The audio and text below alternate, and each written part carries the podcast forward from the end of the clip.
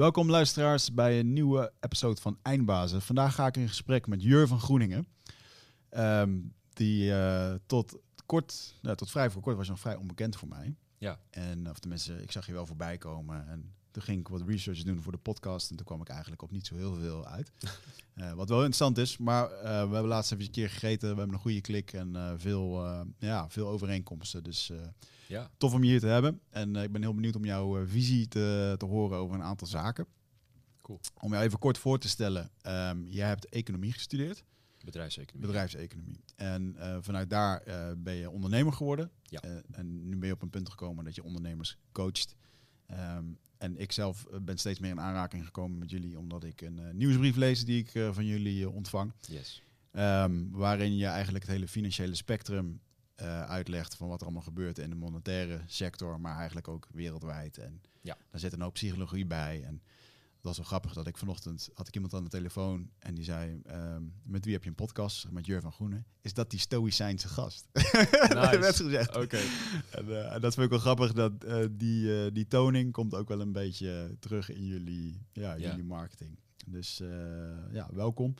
Ehm, en nu, vandaag de dag, ben je vooral bezig met, met één op één coaching van ondernemers. Ehm, Ja. Maar misschien kan je een korte introductie eh, vertellen over, over wat je nu eigenlijk doet eh, in een week tijd en waar je mee bezig bent. Ehm, Oké, ja, waar ik op dit moment mee bezig ben is, ehm, zeg eventjes, eh, drie van de zes dagen in de week dat ik eh, actief ben eh, binnen onze business, eh, is het het coachen van ondernemers. En coachen is ook wel een beetje een term wat inmiddels verpest is. hè. Het is een combinatie van, eh, ja, ook de juiste vragen stellen aan ondernemers, maar ook wel gewoon snoeiharde consulting. En dat is deels op het gebied van finance, maar ook gewoon eh, bedrijfsstructuur, product-ecosysteem, een stukje marketing, dat soort zaken. Ehm, ja, zeg even dat ik daar de helft van mijn tijd mee bezig ben. Dan hebben Miro en ik, hè, want ik doe alles samen met Miro, mijn compagnon. Ehm, hebben we nog twee andere projecten die eh, onlangs zijn gestart. Hè. Eh, Hard Times Unite Strong Men, een evenement wat wij doen voor, eh, specifiek, specifiek voor mannen. Eh, waarbij we eigenlijk eh, proberen mannen wat meer te verbinden met elkaar. Een toffe dag te organiseren voor eh, ja, eigenlijk iedereen tussen de zeg 18 en 40, 45 max, zoiets Mhm. oudere mensen ook welkom hoor, daar niet van, maar eh, zoiets. En wat we daar eigenlijk doen is een, eh, ja, een dag organiseren met een, een combinatie van wat vechtsport, wat andere fysieke uitdagingen, maar ook ehm, wat workshops op het gebied van finance, psychologie, sales, Ja. persoonlijke ontwikkeling in de breedste zin van het woord. Ehm, dat is een project, dat doen we twee keer per jaar. En dat is eh, ja, een beetje als een, eh, nou, zeg even een halve grap begonnen, maar heel serieus geworden. Maar daar kunnen we het straks wel even over hebben. Ja. En daarnaast hebben we eh, de mail die weinig mensen begrijpen. Dat kost mij iets meer tijd. Dat is een project waarbij we wekelijks gewoon een kwalitatief goed stuk content. Ik en Miro roepen vaak ons beste werk. Mhm. naar onze lezers versturen. En dat kan gaan over iets financieels. zeg even bitcoin, vastgoed, aandelen. Maar ook geopolitiek, het monetaire systeem. Of eh, een stukje business coaching wat we er soms in verwerken. Wij roepen ook wel eens voor joh, als je een jaar lang eh, die mail afneemt, heb je ook gewoon ons beste werk op het gebied van business coaching eh, gekregen. Ja. Dat zijn eigenlijk de drie grotere projecten waar ik me mee bezighoud op dit Ja. moment. En als je, laten we beginnen bij het, bij het eerste, het, het ondernemerschap. Ja. Ik denk dat veel ondernemers de komende jaren voor een grote transitie staan. Mhm. Of nou, misschien wel voor een groot ravijn, ook als je het niet goed, eh, niet goed Ja. aanpakt. Ehm, als je nu kijkt naar, ehm, eh, ja, wa- wa- wat staat de ondernemers de komende tijd eh, te wachten waar ze scherp op mogen zijn? Ehm, ja, sowieso eh, het tempo van verandering, eh, wat steeds sneller eh, lijkt op te lopen. Wat ook logisch is door technologische ontwikkelingen. Hè. Dus waar je een generatie geleden eh, eh, relatief makkelijk kon aanzien komen van hé, hey, ik zie nu een, eh, specifieke ontwikkeling binnen mijn eh, eh, sector ontstaan. Daar moet ik rekening mee houden. Zie je nu gewoon dat gasten die een half jaar geleden nog niks van eh, AI wisten, nu eigenlijk al nou, niet te laat zijn, maar echt al eh, het af moeten tikken tegen mensen binnen hun sector die dus wel gewoon geheid omgaan met bijvoorbeeld eh, artificial intelligence. Ehm, verder zie je ook wel dat mensen steeds sneller steeds meer geld kunnen verdienen, maar mensen die wat langer in een sector werken en niet inzetten op ontwikkeling steeds makkelijker hun momentum kwijtraken. En ik denk dat die twee zaken wel de kern zijn, als in het perspectief eh, wat wij hebben meegekregen, ook vanuit de vorige generatie en onze ouders, is van hoe meer tijd je ergens in spendeert, eh, en dan echt long term, dus 10, 20 jaar, Eh, hoe meer je een soort van solide fundering hebt waarbij je kunt stellen dat je kostje gekocht is. Hè? Mhm. Zoals jij, weet ik veel, al 20 jaar actief bent in de autosector, dan heb je waarschijnlijk een goed netwerk, veel kennis en dan kun je de komende 20 jaar nog wel lekker vooruit ermee. Ja, en dan komt er ineens een Elon Musk voorbij bijvoorbeeld, die zegt, hé, hey, we gaan met Tesla de boel even veranderen. Ja. als je daar dan niet in meegaat, dan hang je. En dat is wel een, een mindset shift die veel ondernemers nu langzaamaan beginnen te maken, maar ik denk dat veel mensen daar gewoon te traag in zijn. Mhm. Dus wij hebben ook als een van onze kernwaarden binnen de organisatie eh, adaptiviteit. Uiteindelijk uh, de ondernemers die het uh, long-term blijven volhouden, hè, die dus echt duurzaam ondernemen, ja, die moeten gewoon heel adaptief zijn. Mhm. Echt in de breedste zin van het woord. Dus rekening houden met veranderende vraag vanuit klanten, maar ook marktontwikkeling in het algemeen.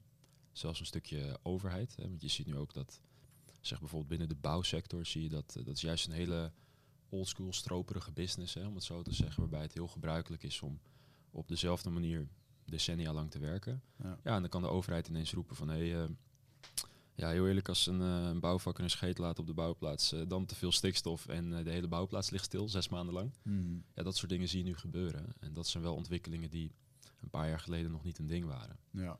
Dus het kernwoord is denk ik gewoon adaptiviteit. Ja. ja, het is interessant dat je dat zegt, want ik had het zelf met een stuk vastgoed. En mijn idee was, nou, als ik straks uh, drie pandjes heb uh, en die, die betaal Ja. ik af en die verhuur ik, dan nou, prima, weet je wel. En, ehm, en gewoon in één keer is dat weg.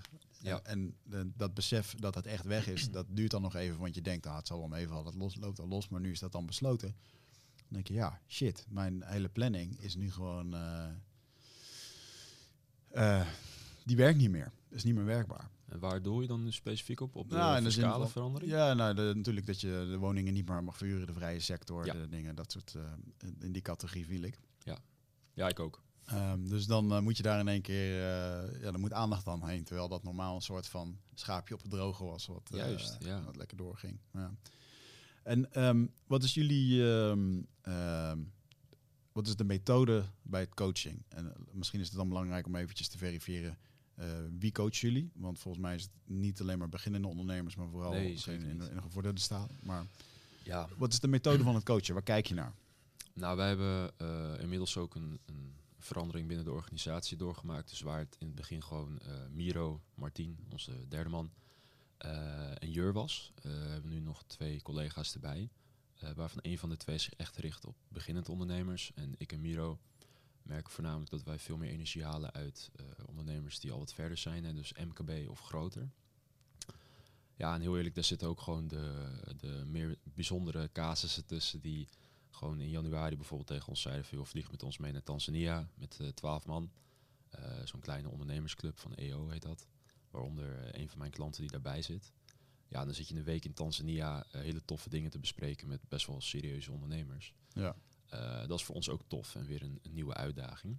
Hm. Maar om terug te komen op je vraag qua methodiek. Ehm, Dat is trouwens heel interessant dat je dit zegt, want ik heb over drie weken een privé-retreat ja? voor een mastermind van de EO. Van waarschijnlijk diezelfde club. ja, dus EO ben ik wel achtergekomen. Ze hebben iets van 20, 25 chapters in Nederland. Juist, en wij ja. hebben één chapter eh, Ja. gehad. Ja, idem voor Ehm, mij. Ja. Cool. Die gaan ieder jaar wat doen samen. En eh, iemand had mijn boek gelezen en die dacht, eh, fuck Ja, it, ik, moet, ik moet het organiseren, ik ga dit nu doen. Dus, ja. Juist, ja, want dat was het ook bij ons. Je had dus eh, ehm, 12 man totaal uit mijn hoofd. Waarvan elke trip wordt dan georganiseerd door twee van die twaalf mensen. Ja. En toevallig was een van die twee mensen die het organiseren, was, is een bestaande klant van mij. Die heel content is met de dienst die ik en soms ook Miro leveren naar hem. Eh, en die zei van ja, fuck jongens, eh, we moeten iemand hebben die ons eh, enigszins in het gareel houdt daar, maar ook gewoon begeleidt op specifieke onderdelen. Hm. Eh, zouden jullie mee willen gaan? En wat daar wel, ja, we gaan nu wel van de hak op de tak, maar wat daar wel een interessante uitkomst uit bleek te zijn, is naarmate de ondernemer groter wordt hè, in, in wereldsucces of zakelijk succes, worden de, de issues vaak simpeler. Hm. Dus veel meer de, de grote levensvragen, dingen zoals eh, ja, familiesystemen, persoonlijkheidskenmerken. En dat is misschien ook wel gelijk het antwoord op je vraag. Er zit wel een soort rode draad in de systematiek waar wij mee werken. Maar ergens zeggen wij ook altijd in een eerste sessie van joh, we hebben niet een bepaalde structuur die we in deze sessie gaan aanhouden. We hebben wel een soort rode draad door een traject heen. En dat is vaak zes of twaalf maanden of doorlopend samenwerken. Toevallig die kerel van de EO zit nu een anderhalf jaar bij mij. En Die zit waarschijnlijk nog vijf jaar bij mij, omdat het gewoon bevalt. Mhm. Maar we hebben niet, eh, ja, we hebben een rode lijn. Maar eh, we kijken vaak naar de casus aan zich van, hey, eh, wat denken wij dat nu als eerste nodig is? Maar als ik dan iets van een, een soort rode lijn zou moeten uitleggen, is het beginnen met leer jezelf kennen.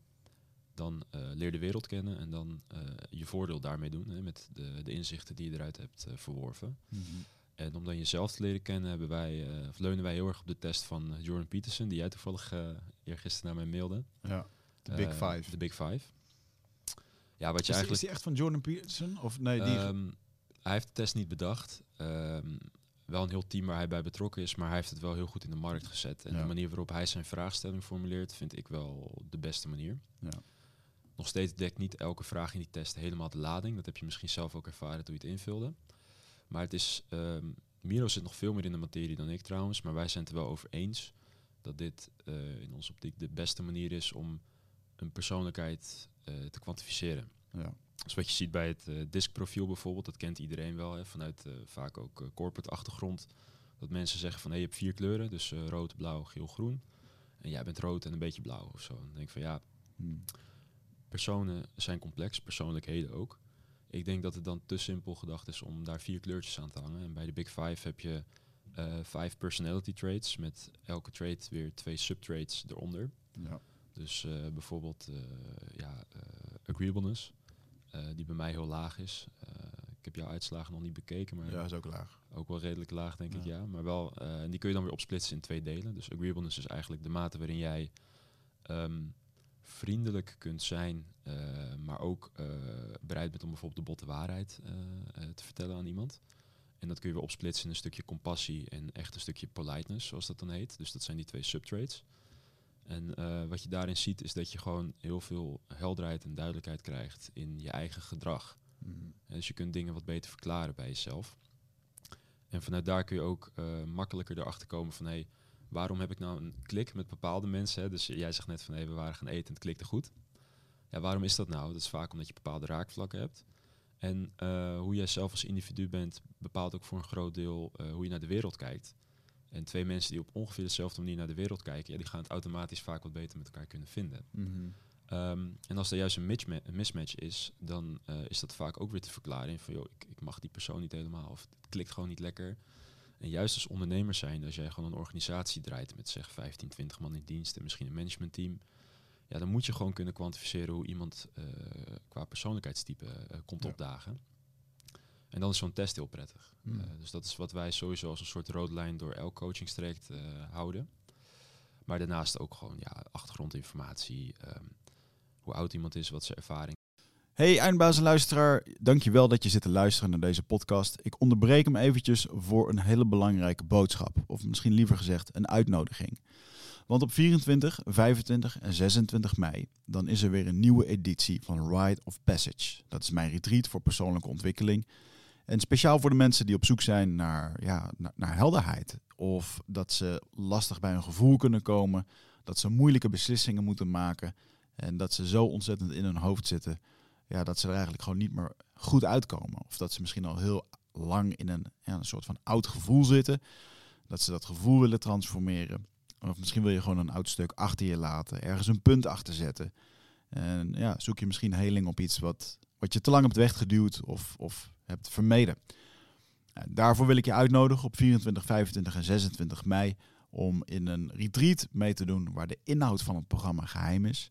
Waar de belofte is dat het oncomfortabel wordt. Want jij begrijpt als geen ander dat als je die volgende stap wilt maken, ja, dan zul je uit de comfortzone moeten komen. En ik garandeer je, laat mij dat proces begeleiden met jou voor drie dagen. En je leven zal daarna nooit meer hetzelfde zijn. Gemiddeld beoordelen de deelnemers het met een 9,2. En daar ben ik ontzettend trots op. Er is ook een money back guarantee. Heb je de drie dagen vol, volbracht en vind je het niks, krijg je gewoon je geld terug. Dus het enige risico wat er is, is dat je gelukkiger kan worden. Ik zie je op Bride of Passage. Ga naar wichertmeerman.nl en klik op Retreat. is, hoe de casus eruit ziet.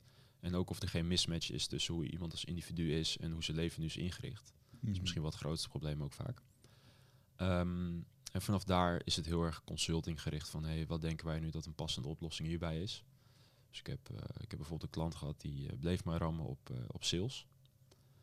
Die bleef maar handel binnenhalen met zijn bedrijf. En nou, uiteindelijk... heel veel ondernemers niet doen. Nou ja, ja inderdaad. Ja. Luxe probleem ook natuurlijk. En dat Mhm. maakte dan ook weer een hele vreemde discussie om te voeren. Maar die jongen die haalde gewoon veel te veel handel binnen. En die, de achterkant van zijn bedrijf, dus het personeel, kon dat gewoon niet aan. Mm.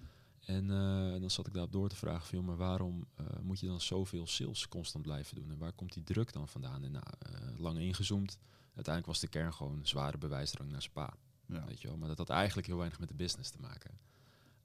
Maar daarmee zie je dus dat ik, heb, ik zou misschien nog vijf klanten kunnen hebben die ook te veel gas geven op sales, maar die hebben allemaal misschien een hele andere reden daarvoor. Mm. Dus het is ook, wij moeten er ook heel erg voor oppassen dat we niet een soort standaard systematiek hebben, wat een soort one size fits all wordt. Eh, dat is ook, eh, als we het dan toch over die kernwaarden hebben. Dus eh, bij ons is één kernwaarde complexiteit. Een persoon is complex. En daar heb je gewoon een maatwerkoplossing voor nodig. Ja. Dus eigenlijk, hoe, hoe wij vaak te werk gaan, is wij nodigen gewoon iemand uit. Of iemand wil graag bij ons aanschuiven voor een eerste sessie. En dan hebben we gewoon een goed gesprek. En dan kijken of we een bepaalde diepgang kunnen bewerkstelligen met concrete oplossingen. Mhm. En vanaf daar maken we een maatwerkoplossing voor iemand of een maatwerkplan. Ja. En dat is hem eigenlijk. Mooi. En als je dan kijkt naar. ehm, ehm, wat loopt de meeste ondernemers voor de voeten? Ehm, nou, allereerst zichzelf dus niet goed kennen. Mhm. Eh, dus vaak is zo'n eerste sessie plus het maken van zo'n persoonlijkheidstest, zeker als ze dat nog nooit hebben gedaan, al echt mindblowing voor sommige mensen. Mm. Zeker naarmate de ondernemer al verder is. Dus eh, een aantal van de dames en heren waar wij- waarmee wij toen in Tanzania waren, was dat echt mindblowing.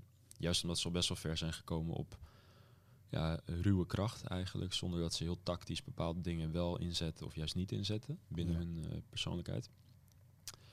Ehm, en wat je ook vaak ziet is dat ondernemers ehm, echt een verbinder of een probleemoplosser zijn. Ehm, en eigenwijs natuurlijk. Ehm, maar daardoor zijn ze ook geneigd om eh, niet in de juiste volgorde specifieke dingen aan te vliegen, maar gewoon alles te willen doen. Mhm. Eh, en daarin is keuzes maken heel belangrijk. Dus ik denk dat een groot deel van de sessies die ik dan doe, ehm, toch ook wel te maken heeft met het helpen eh, in het maken van de juiste keuzes. Een simpel voorbeeld kan zijn dat een ondernemer waar ik mee werk heel erg bezig is met het systematiseren van de achterkant van zijn bedrijf of het inrichten van zijn managementteam. Terwijl ehm, misschien ben je in de fase waarin je zit nog niet toe aan het tackelen van system- systematische problemen. Misschien moet je eerst focussen op eh, een salesprobleem of als je nog verder uitzoomt een leadprobleem. Mhm. Of daarvoor heb je nog een brandingprobleem. En eh, de fundering daarachter is misschien juist weer een product- of dienstprobleem. Dus de kwaliteitswaarborging van hetgeen wat je levert, is dat al goed. Ja. En eh, ik denk dat de volgorde van problemen die je wilt tackelen, of dingen waar je op wil focussen, dat die heel belangrijk is. Dus eerst zorgen dat hetgeen wat je biedt goed is. Dan misschien een stuk branding, dan misschien een stuk lead generatie, dan misschien een stuk sales. Mhm. Dan pas de achterkant van hoe leef je daadwerkelijk. En dan pas het systematiseren, om maar een voorbeeld te geven. Ja. Dus de volgorde van eh, problemen oplossen, eh, dat is heel belangrijk. En eh, ook goed weten, maar dan kom je dus weer uit op zelfkennis, wat voor type ondernemer je bent. Hè. Dus je hebt jongens die zijn wat meer de, de vrije jongens. Zo zie ik mezelf ergens ook wel graag. Iemand die gewoon, ja, ik en Miro grappen was, eh, als een soort rockster komt opdagen, een paar sessies vlamt. Niet heel schaalbaar, hè. dus als ik met jou in een sessie zit, ja, dat kan ik dan niet met twintig man tegelijk, dus niet schaalbaar. Mhm. Maar wel hetgeen wat ik tof vind. Nou, dan ben je meer een vrije jongen die gewoon waarschijnlijk een hoog uurtarief heeft en zijn uurtjes verkoopt. Nou, dat kan. Dan hebben we iemand die misschien meer een, een soort manager is. Hè, dus die graag mensen met elkaar verbindt en gewoon eh all over the place binnen een organisatie kan zijn, maar niet per se de vaandeldrager is. Dus die gewoon graag mensen aanstuurt eh, en verbindt. Eh, en dan hebben we de, de echte oprichter. Dat is iemand die liever gewoon systemen bouwt. Hè, dus denk aan zo'n eigenaar van McDonald's. Dat is misschien niet echt een personeelsguy of een vrije jongen, maar iemand die het gewoon vet vindt om een grootschalig systeem te bouwen en vervolgens afstand te nemen ervan en daar Ja. constant aan te gaan zitten sleutelen. Ja. Maar dat hoeft niet per se eh, het beste te zijn voor iedereen. Dus er wordt vaak geroepen, dat zie je nu ook veel in de, in de markt, van hey, werk veel aan je bedrijf en eh, ga systemen bouwen, zorg dat je op de hefboomtaken zit, zoals ik dat ook vaak roep. Maar als dat niet bij je past, dan moet je dat ook vooral niet doen. Want uiteindelijk draait het er wel gewoon om, om het naar je zin te hebben. Hè? En Ja. ook wel euro's te verdienen en impact te maken en mensen te helpen natuurlijk. ja. En hoe, ehm, dan zou je iemand anders op die hefboomtaken moeten zetten. Kan, ja. Of je moet misschien gewoon iets heel anders doen. Je zal echt niet de eerste klant zijn die bij mij aanschuift die het best wel goed voor elkaar heeft, financieel gezien en ook een mooie organisatie heeft. Om er vervolgens achter te komen van, joh, ja, eh, ja, ik rijd in een dikke bak, maar ik zie mijn gezin nauwelijks. Ik zit eh, regelmatig een potje te janken in de auto eh, onderweg naar huis. Hmm. Dat is gewoon niet mijn ding. En ik vind dan bijvoorbeeld een, een Thijs Verlangen die hier onlangs was. Ja, elke podcast die ik doe moet ik het blijkbaar even over hem hebben. Maar ik vind dat wel een, mooi voorbeeld. Die jongens zeggen gewoon, joh, genoeg is genoeg. Ja. Ik heb een gezinnetje. Ja, ik kan een soort schaalbaar bedrijf opzetten en mijn masterclass en mijn cursus nog een keer tien laten gaan. Hè. Ik, eh, ik werk natuurlijk met Thijs Verlangen, dus eh, wij sparren daar maandelijks even over. En hij zegt gewoon van nee man, eh, vier dagen in de week werken. Een paar dagen dat ik één op één zit met mensen. En verder werk ik een beetje aan mijn cursus. En that's it. Ja. En verder boeit het hem ook niet. Ja, het Ja. boeit hem wel, maar ehm, hij vindt andere dingen belangrijker. ja, En dat is ook wel bewonderingswaardig. vond ik ook mooi. Zo'n Ja. jonge gast die dan niet gegrepen wordt door Nee. wat er allemaal mogelijk is. Geen hebzucht, Waar ik mezelf dan wel in eh, herkende. Want er Ja, zijn ik ook wel opties. En ehm, tuurlijk. ehm, ja, toen we ook dat gesprek hadden, toen... Ik, ook, ik had vroeger echt het idee, jongen, dat ik een soort Richard Branson zou worden. De nieuwe Virgin. Met allemaal van dat soort subbedrijfjes en dingetjes. En uiteindelijk word ik daar helemaal dood, zou ik daar helemaal doodongelukkig van worden. En ja, werkt dat profiel dus ook niet. Nee, ik moet ook wel bekennen, ik, eh, ik spreek een aantal jongens die... ehm, het is nou niet alsof ik echt met eh, alleen maar een soort quote 500 ondernemers werk of zo natuurlijk. Hè, Mhm. maar wel een aantal gasten dat als je ze op straat voorbij zou zien rijden, dat je denkt, goh, dikke wagen, duur pak, eh, mooie vrouw, groot bedrijf. Volgens mij heeft hij zijn zaak op de rit. Juist die gasten, die leer ik dan beter kennen en dan doe ik een paar sessies mee. En zoals ik heb dan van, eh, aan het begin de aanname van, goh, dat is wel bewonderingswaardig hoe zijn leven eruit ziet. Maar dat is de voorkant of de buitenkant. En dan zie ik de binnenkant en denk ik, oh, Ja, zeker. moet je niet willen. En ik heb eigenlijk nog nooit gehad dat ik iemand zag die ik dan toch een beetje op een voetstuk plaatste. Waarvan ik dacht, goh, die heeft het echt voor elkaar.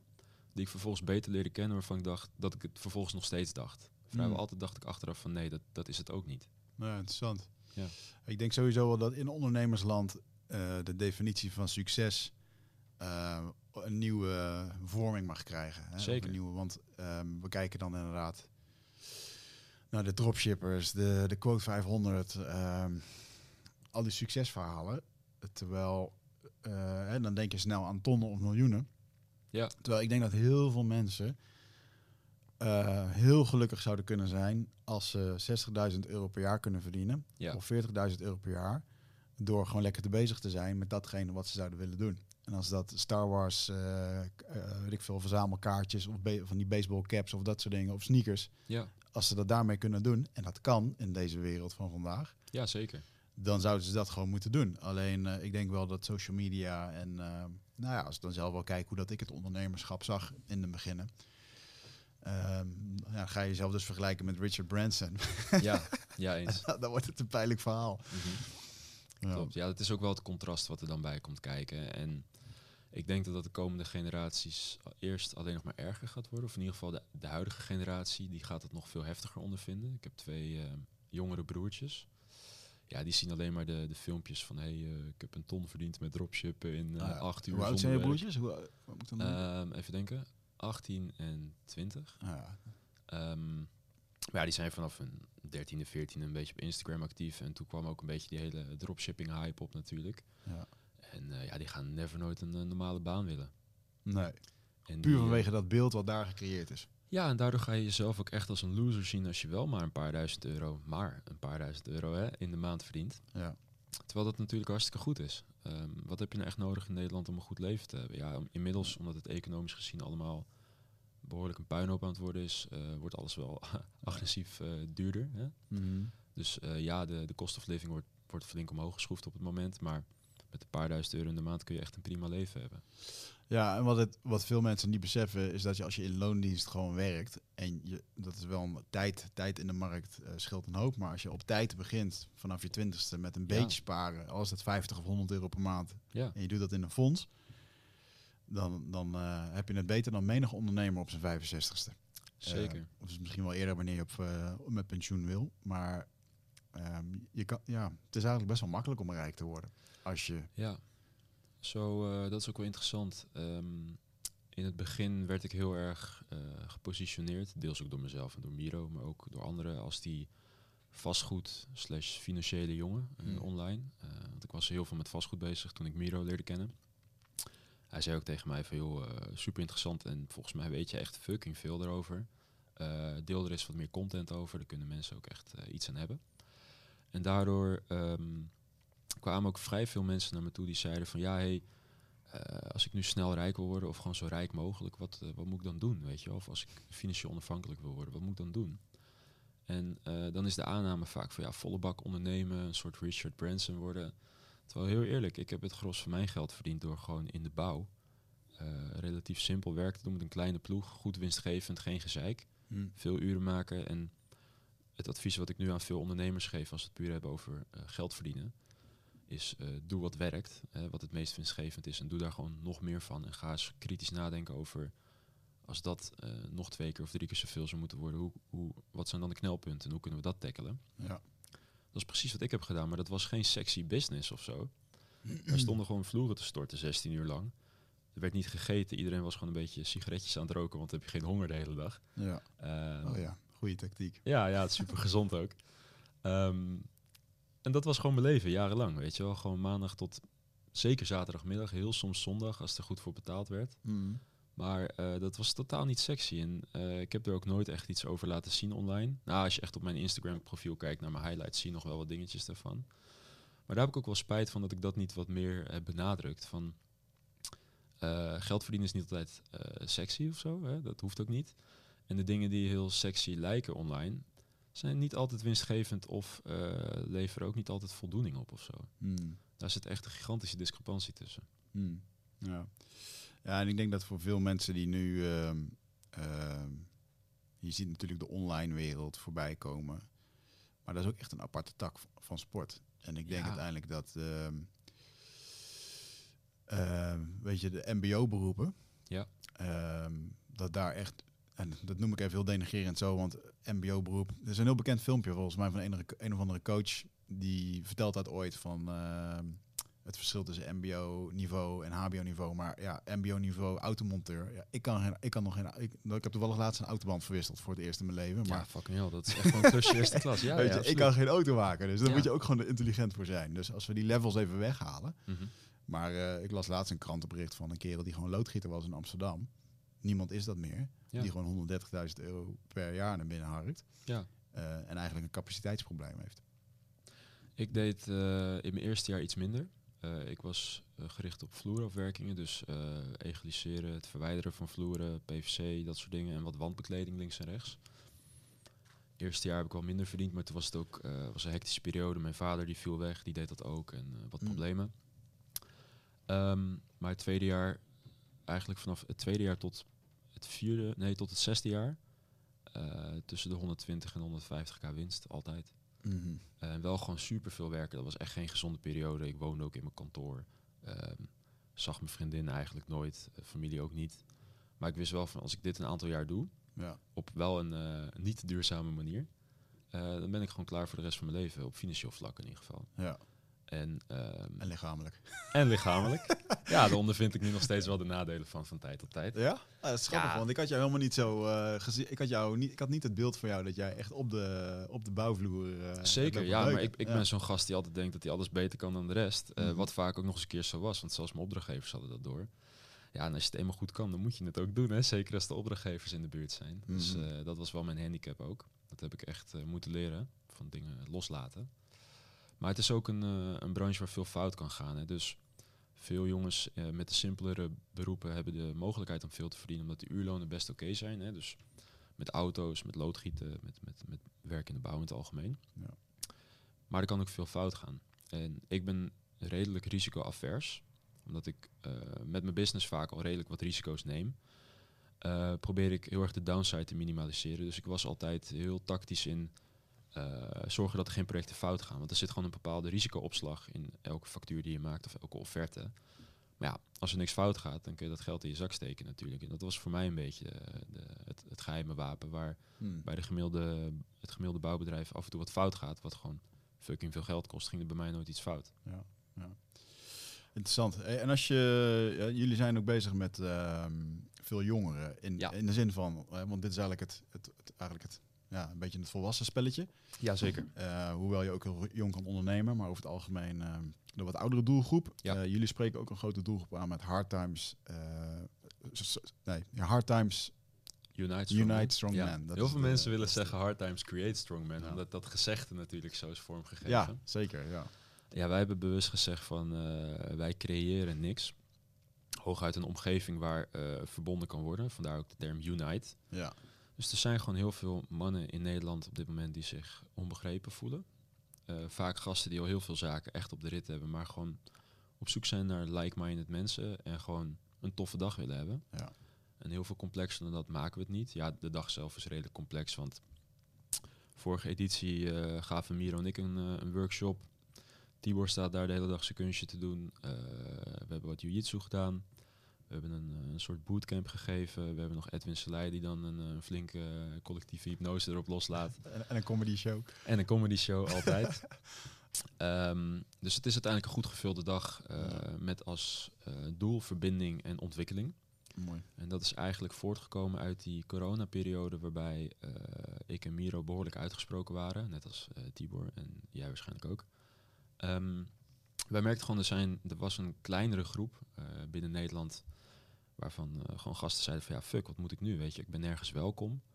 Eh, mijn restaurant, als je als ondernemer zijn en dan iets doet, eh, mijn restaurant of weet ik veel wat, mijn wasstraat, die moet ineens dicht. Echt de meest onzinnige shit heb ik gehoord. Hmm. Uh, en ik voel me totaal onbegrepen. En niemand in mijn nabije omgeving die heeft ook begrip voor mijn situatie.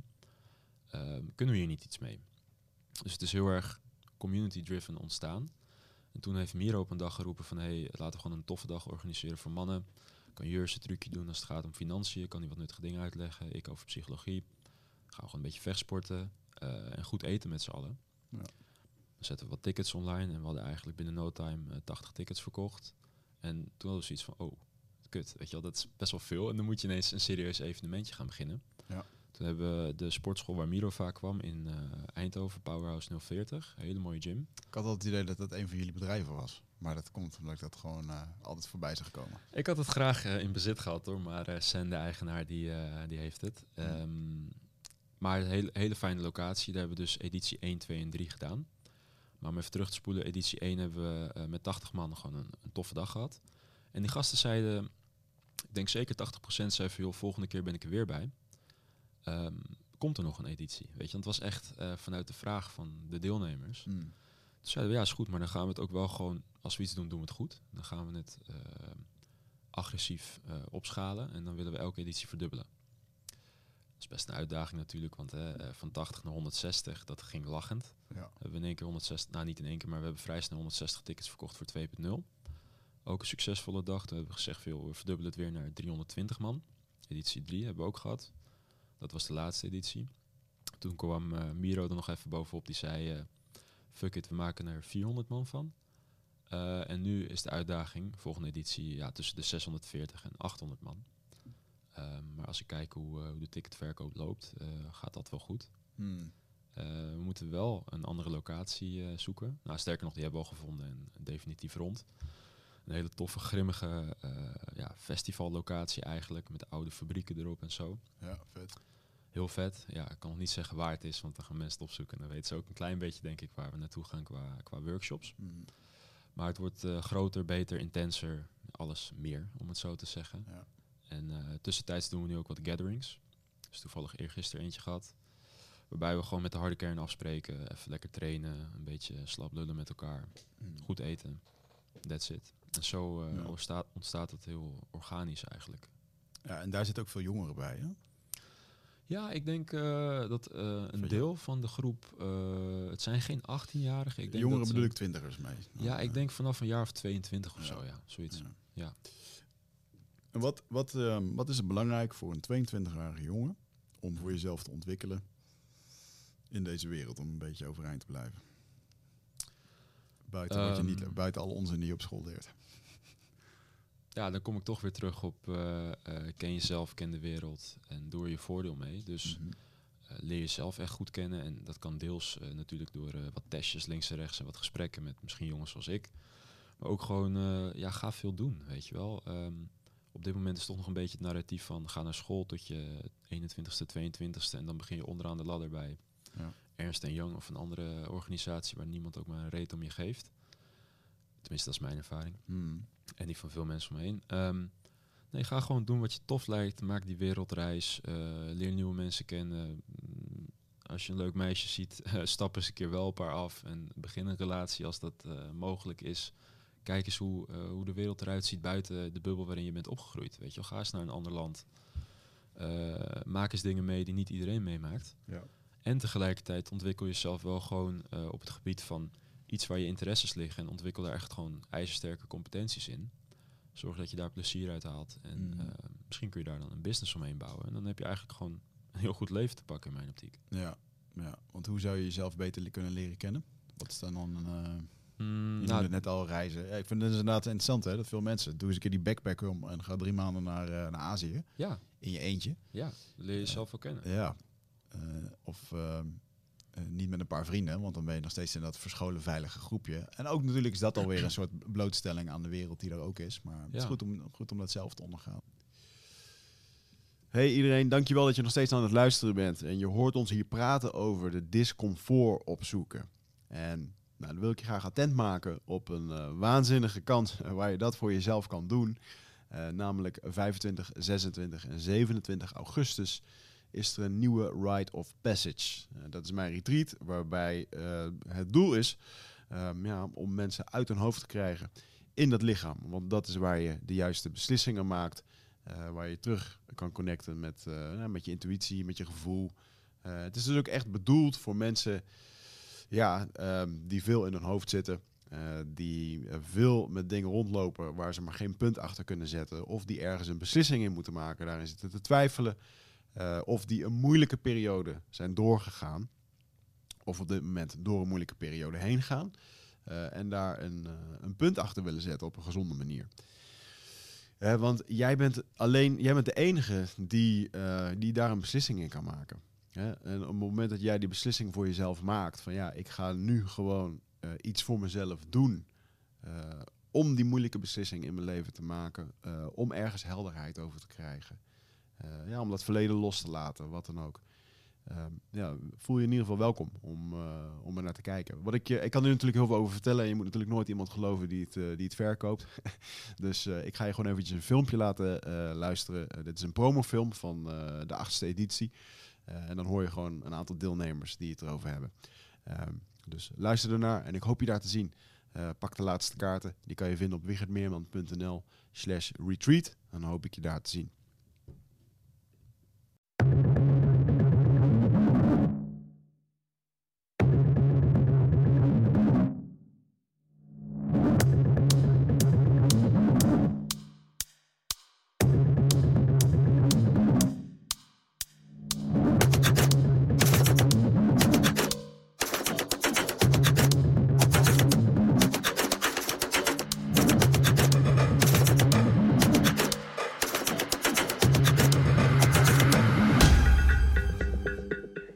Programma van Rite of Passage is geheim.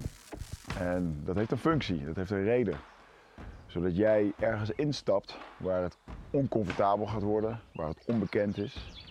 Want daar ligt juist de grootste groei. Het weekend was eh, enorm eh, confronterend, eh, oncomfortabel en ontzettend waardevol. We hebben dingen in de groep met elkaar gedeeld, waarbij je eigenlijk ziet dat er best wel veel overeenkomsten zijn in de zaken waar je in je leven tegenaan loopt, waar je mee omgaat, de hindernissen die er zijn. En ehm, vooral de dynamiek en de goede energie van de groep en daarbij ook de hulp aan jezelf. Eh, is iets wat mij verder gebracht heeft en er zeker bij zal blijven. En voordat eh, dit weekend plaats ging vinden, heb ik wel eh, nog even getwijfeld. Dat had te maken met dat je eigenlijk niet weet wat precies eh, het programma is waar je aan gaat deelnemen. Dat maakt het voor mij wel spannend. Eh, ja, stemmetjes in mijn hoofd namen het wel af en toe over van eh, heb je dit wel nodig, moet je dit wel doen. Maar ik ben toch bij mijn eerste keus gebleven van toen ik me inschreef. Daar ben ik nu ook heel blij om.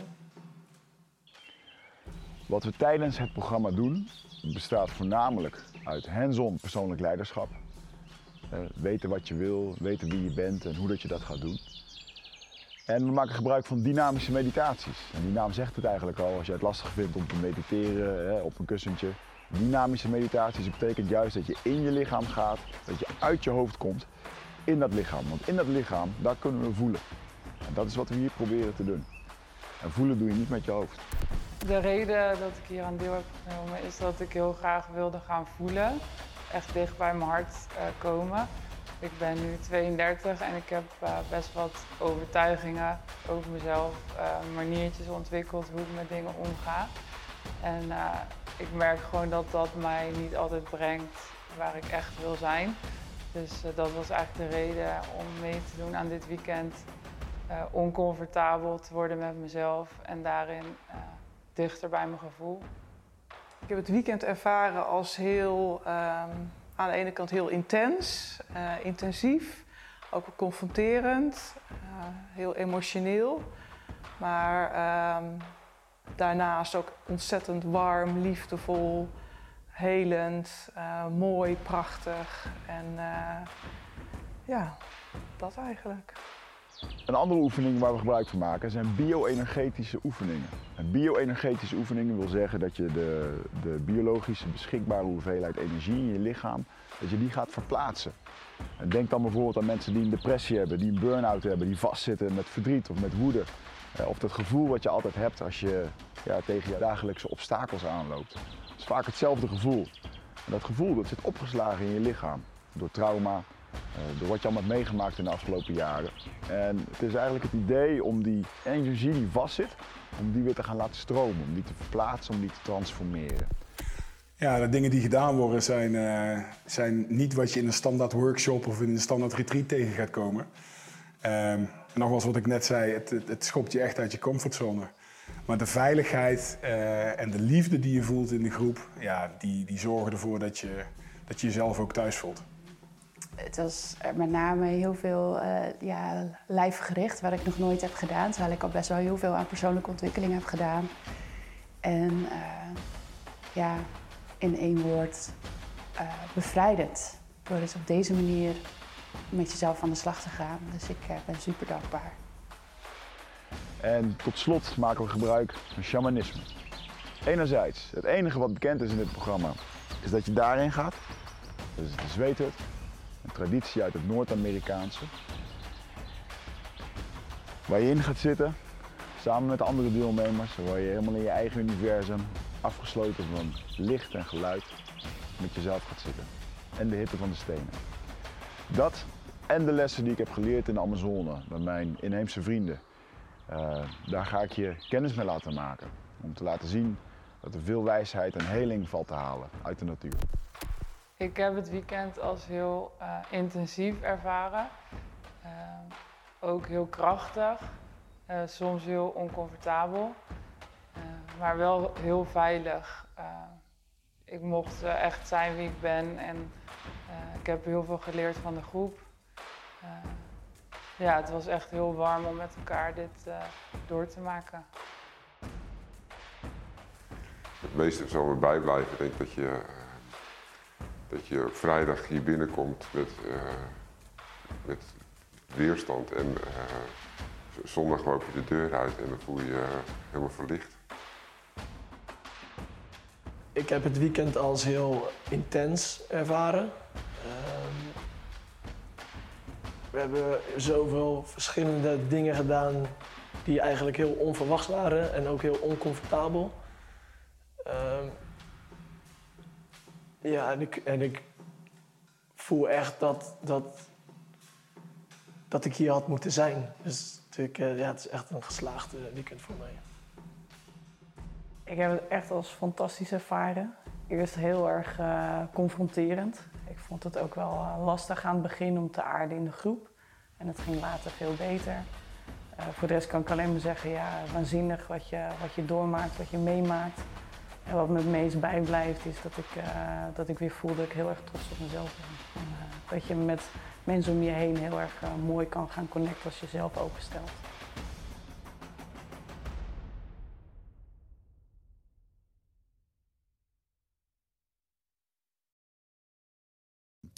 Ja, maar ook, wil niet zeggen dat elke 22-jarige even de, hoe heet het, de mescaline wat daar staat? Hè? Eh? Wat? eh, Wat? Oh, oh, oh, shit. Oh, die moeten we er even uitknippen. Mm. Wat ik net in je thee heb gedaan, bedoel je? Yes, Ja. nou die eh, cacao die zit er ook wel aardig in hoor. Ik zit, het zit Voel je dat? steeds- Ja, zeker. Ja? Ja, maar het is die omschrijving die je net deed, alsof je een paar glazen wijn op hebt of zo. Mhm. Die klopt wel aardig. Het roesje. heel- ja, maar het is niet. eh, ik word er niet. eh, ik, krijg- ik heb geen hartklopping of zo. Als ik twee koppen koffie drink, dan zit ik echt helemaal te zweten en Ja, ja, spichtig te zijn. Ja, ik geloof Dit dat er is iets van nice. 200 260 antioxidanten in zitten. Mm. Dus het meest, eh, het is echt een superfood met de meeste eh, ingrediënten erin. Ja. Dus dit komt rauw, rauwe pasta van de, van de cacaoboon, Nice. onbewerkt. En uh, dus geen Tony Chocoloni chocolademelk ding. Mhm. En, en wat het doet is dat het je bloedvaten heel erg openzet. Ah, Wat dus ook weer heel erg bijdraagt. En natuurlijk omdat er heel veel antioxidanten in zitten, komen er ook veel eh, stoffen vrij. Dus, eh, en natuurlijk met alles wat je in je systeem gooit, daar komt een reactie op. Ja. Maar het is voor mij de perfecte koffievervanger. nice. Ehm, en dan moet ik wel zeggen, ik ben nu mijn dieet eh, wat radicaal aan het omgooien. Mhm. Want hè, ik ging een richting, een beetje richting het carnivore dieet. Ja. Toen wij bij Loetje vlees zaten te eten. Ja, ja, nice, nice. Maar ehm, toevallig heb ik het net omgegooid eh, met eh, Brian Johnson, dat is een biohacker. Die, Mhm. die nu zie je nu veel. En die heeft een soort, die heeft 2 miljoen in zichzelf geïnvesteerd door alles te meten, eh, bloedtesten, data en dingen. En op Oh, daar basis heb ik daarvan gelezen, ja. De, blue- blu- de blueprint heeft hij gemaakt. Ja, dat was voornamelijk vlees en wat groente hè, en superveel Ja, eh, heel micro's. Veel, vooral ja. heel veel groenten. Ja, hij slikt er ook echt een shit aan, eh, Ja. aan pillen bij en dat soort dingen. Maar hij heeft ook een soort blauwdruk gemaakt voor, nou ja, om ermee te starten. Mhm. En dat begint met, ehm, ehm, ik heb het van de week voor heel de week gemaakt. Iedere dag eh 300 gram linzen, 150 gram broccoli, 100 gram eh, bloemkool. Mhm. Nog wat andere dingen erbij, sh- ja, eh, bepaalde paddenstoelen erbij. Ja. En eh, dat gooi je door de blender. Dat eet je om 12 uur. Dan zit er nog een soort notenpudding eh, bij die je maakt. Smaakt Mm. allemaal super lekker. Mijn dochter van vijf die altijd ook mee, dus goed Nice. gekeurd. En, ehm, en hij eet s'avonds ook nog een keer een vegan. Hij doet alles vegan, dat vind ik dan niks. Maar s'avonds eet ik dan nog gewoon een goed stuk vlees en dan eh, Cool. kom ik op die manier eraan. Maar het idee ervan is ehm, zo min mogelijk ontstekingen in je lichaam krijgen. En als ik dan kijk naar mijn eh, eh, eetpatroon, en zeker eventjes nu, eh, waarom doe ik dit? Eh, eh, even zonder op de details in te gaan. Ik zit nu in een periode waar veel stress is, waar veel eh, dingen gebeuren in mijn privéleven. Mhm. Ehm, mijn lichaam geeft dat nu ook aan. Een beetje frozen sho- shoulder-achtige dingen sinds een week. En ehm, ik merk gewoon, ehm, het is een soort compounding effect. wat je jezelf aandoet, wat er in de buitenwereld gebeurt, wat Ja. uiteindelijk tot blessures of pijn of moeilijkheid gaat eh, leiden. Ook Mhm. binnen je bedrijf of andere dingen, eh, Tuurlijk, relaties, dat soort dingen. Dus voor mij was het wel goed, oké, hoe kan ik nou dat compounding effect beter slapen? Dus ik heb nu van die eh, neuspleisters op. Daar slaap ik ook mee, man. ja, man, echt fucking goed. Echt gewoon, eh, want ik zat ook wel eens te denken, ik moet van die mondpleisters hebben. Daar slaap ik ook mee. Echt? Ja. Oh nee, want ik ja, merk nu ik slaap, dus, ik zit helemaal onder, ja. ik merk nu dus als ik die, die pleisters opdoe op mijn neus, slaap ik niet meer met mijn mond open. Dus ik heb geen mondpleister meer nodig. Oké. En, ehm, en- dat stuk dat ik 's ochtends wakker word en denk, wauw man, dit is echt, eh, want ik heb mijn neus twee keer gebroken gehad. Hij staat Ja. ook scheef voor de luisteraars, kijkeraars die nu kijken. Mhm. Ehm, dus ik, hij valt al snel dicht. Ja. En, eh, dus dat vond ik al een hele goeie. En als ik dan ook met eten zorg dat mijn lichaam eigenlijk zo min mogelijk echte prikkels heeft van gluten. Want ik ben wel, eh, ik ben wel een emotieeter en dan het liefst ook brood en dat soort dingen. Ja. Ehm, dus dat merk je dan, weet je wel. Mhm. En dan dit soort dingen. Eh, geen koffies, vind ik ook wel fijn, want ik ehm, ben daar wel gevoelig voor. En als ik dan het vervangen met cacao, Mhm. eh, hier kan ik ook gewoon een paar dagen in één keer niks mee doen, zonder dat je daarmee de, de need hebt van, oh, ik moet dit nu weer doen. Weet Dat heb ik ook heel sterk. Ik ben heel gevoelig voor cafeïne. Eh, ik word er heel snel warrig van. Mm. En ik grap wel eens met Miro van ja, we zijn aan het pieken, want dan ben ik ineens super productief. Omdat ik volle bak in die cafeïne rush zit. Maar dan wordt die rush me bijna te veel en dan ben ik weer, begin ik bijna te warrig te worden om nog goed productief te zijn. En daarna is die crash, die zit zeker niet waard bij mij. En de dagen daarna, zeker als ik twee of drie dagen koffie drink, merk ik gewoon van hé, hey, ik heb nu een soort van craving en een beetje hoofdpijn. Dit, dit is het net niet voor mij. Ja. Wat bij mij echt een verschil maakt is, eh, mijn ontbijt is echt al acht jaar hetzelfde of zo. Het is altijd eh, rauwe melk, bananen, blauwe bessen. In de blender met 15 tot 20 gram cacao. Is precies net genoeg om een klein beetje toch die, die scherpte te krijgen. En dan doe ik een halve schep of een halve theelepel matcha doorheen. Mhm. Ehm, Wat dus de theorie is, is onder andere de theanine, dat dat een beetje de, de scherpe randjes ervan afhaalt. eraf haalt, ja. Ja, en dat, eh, dat het veel meer eh, op een steady manier binnenkomt en dat je die crash ook niet hebt. En je hebt ook gewoon minder cafeïne wat je binnenkrijgt. Mm. Ehm, dat heeft voor mij echt een verschil gemaakt. En wat betreft slaap, eh, wel interessant wat jij zegt. Voor mij is het echt life-changing geweest om... Klinkt heel extreem misschien voor de luisteraars, maar ik slaap met een slaapmasker op. Twee oordoppen in, Mm. neusstrips op en ik tape mijn mond af. Ik ben echt volledig gemummificeerd als ik slaap. Maar ik, Wow. ik heb dus... eh, dat is dus in het kader van leer jezelf kennen. Ja. Ehm, ik heb echt wel een gebruiksaanwijzing. Ik ben een redelijk introverte guy als je gelooft in introversie versus extroversie. Ik werk het liefst eh, in mijn eentje, weinig mensen om me heen, maar ook weinig prikkels. Want prikkels, eh, het is niet zo dat ik per se snel afgeleid raak, maar ik vang ze wel op. Dus als ik slaap en ik hoor buiten een vogel voorbij eh, vliegen of weet ik veel wat, ja, dan schrik ik even, weet je wel. En dat, dat verpest gewoon mijn slaapkwaliteit. Dus eh, dat doe ik nu een jaar of twee, drie.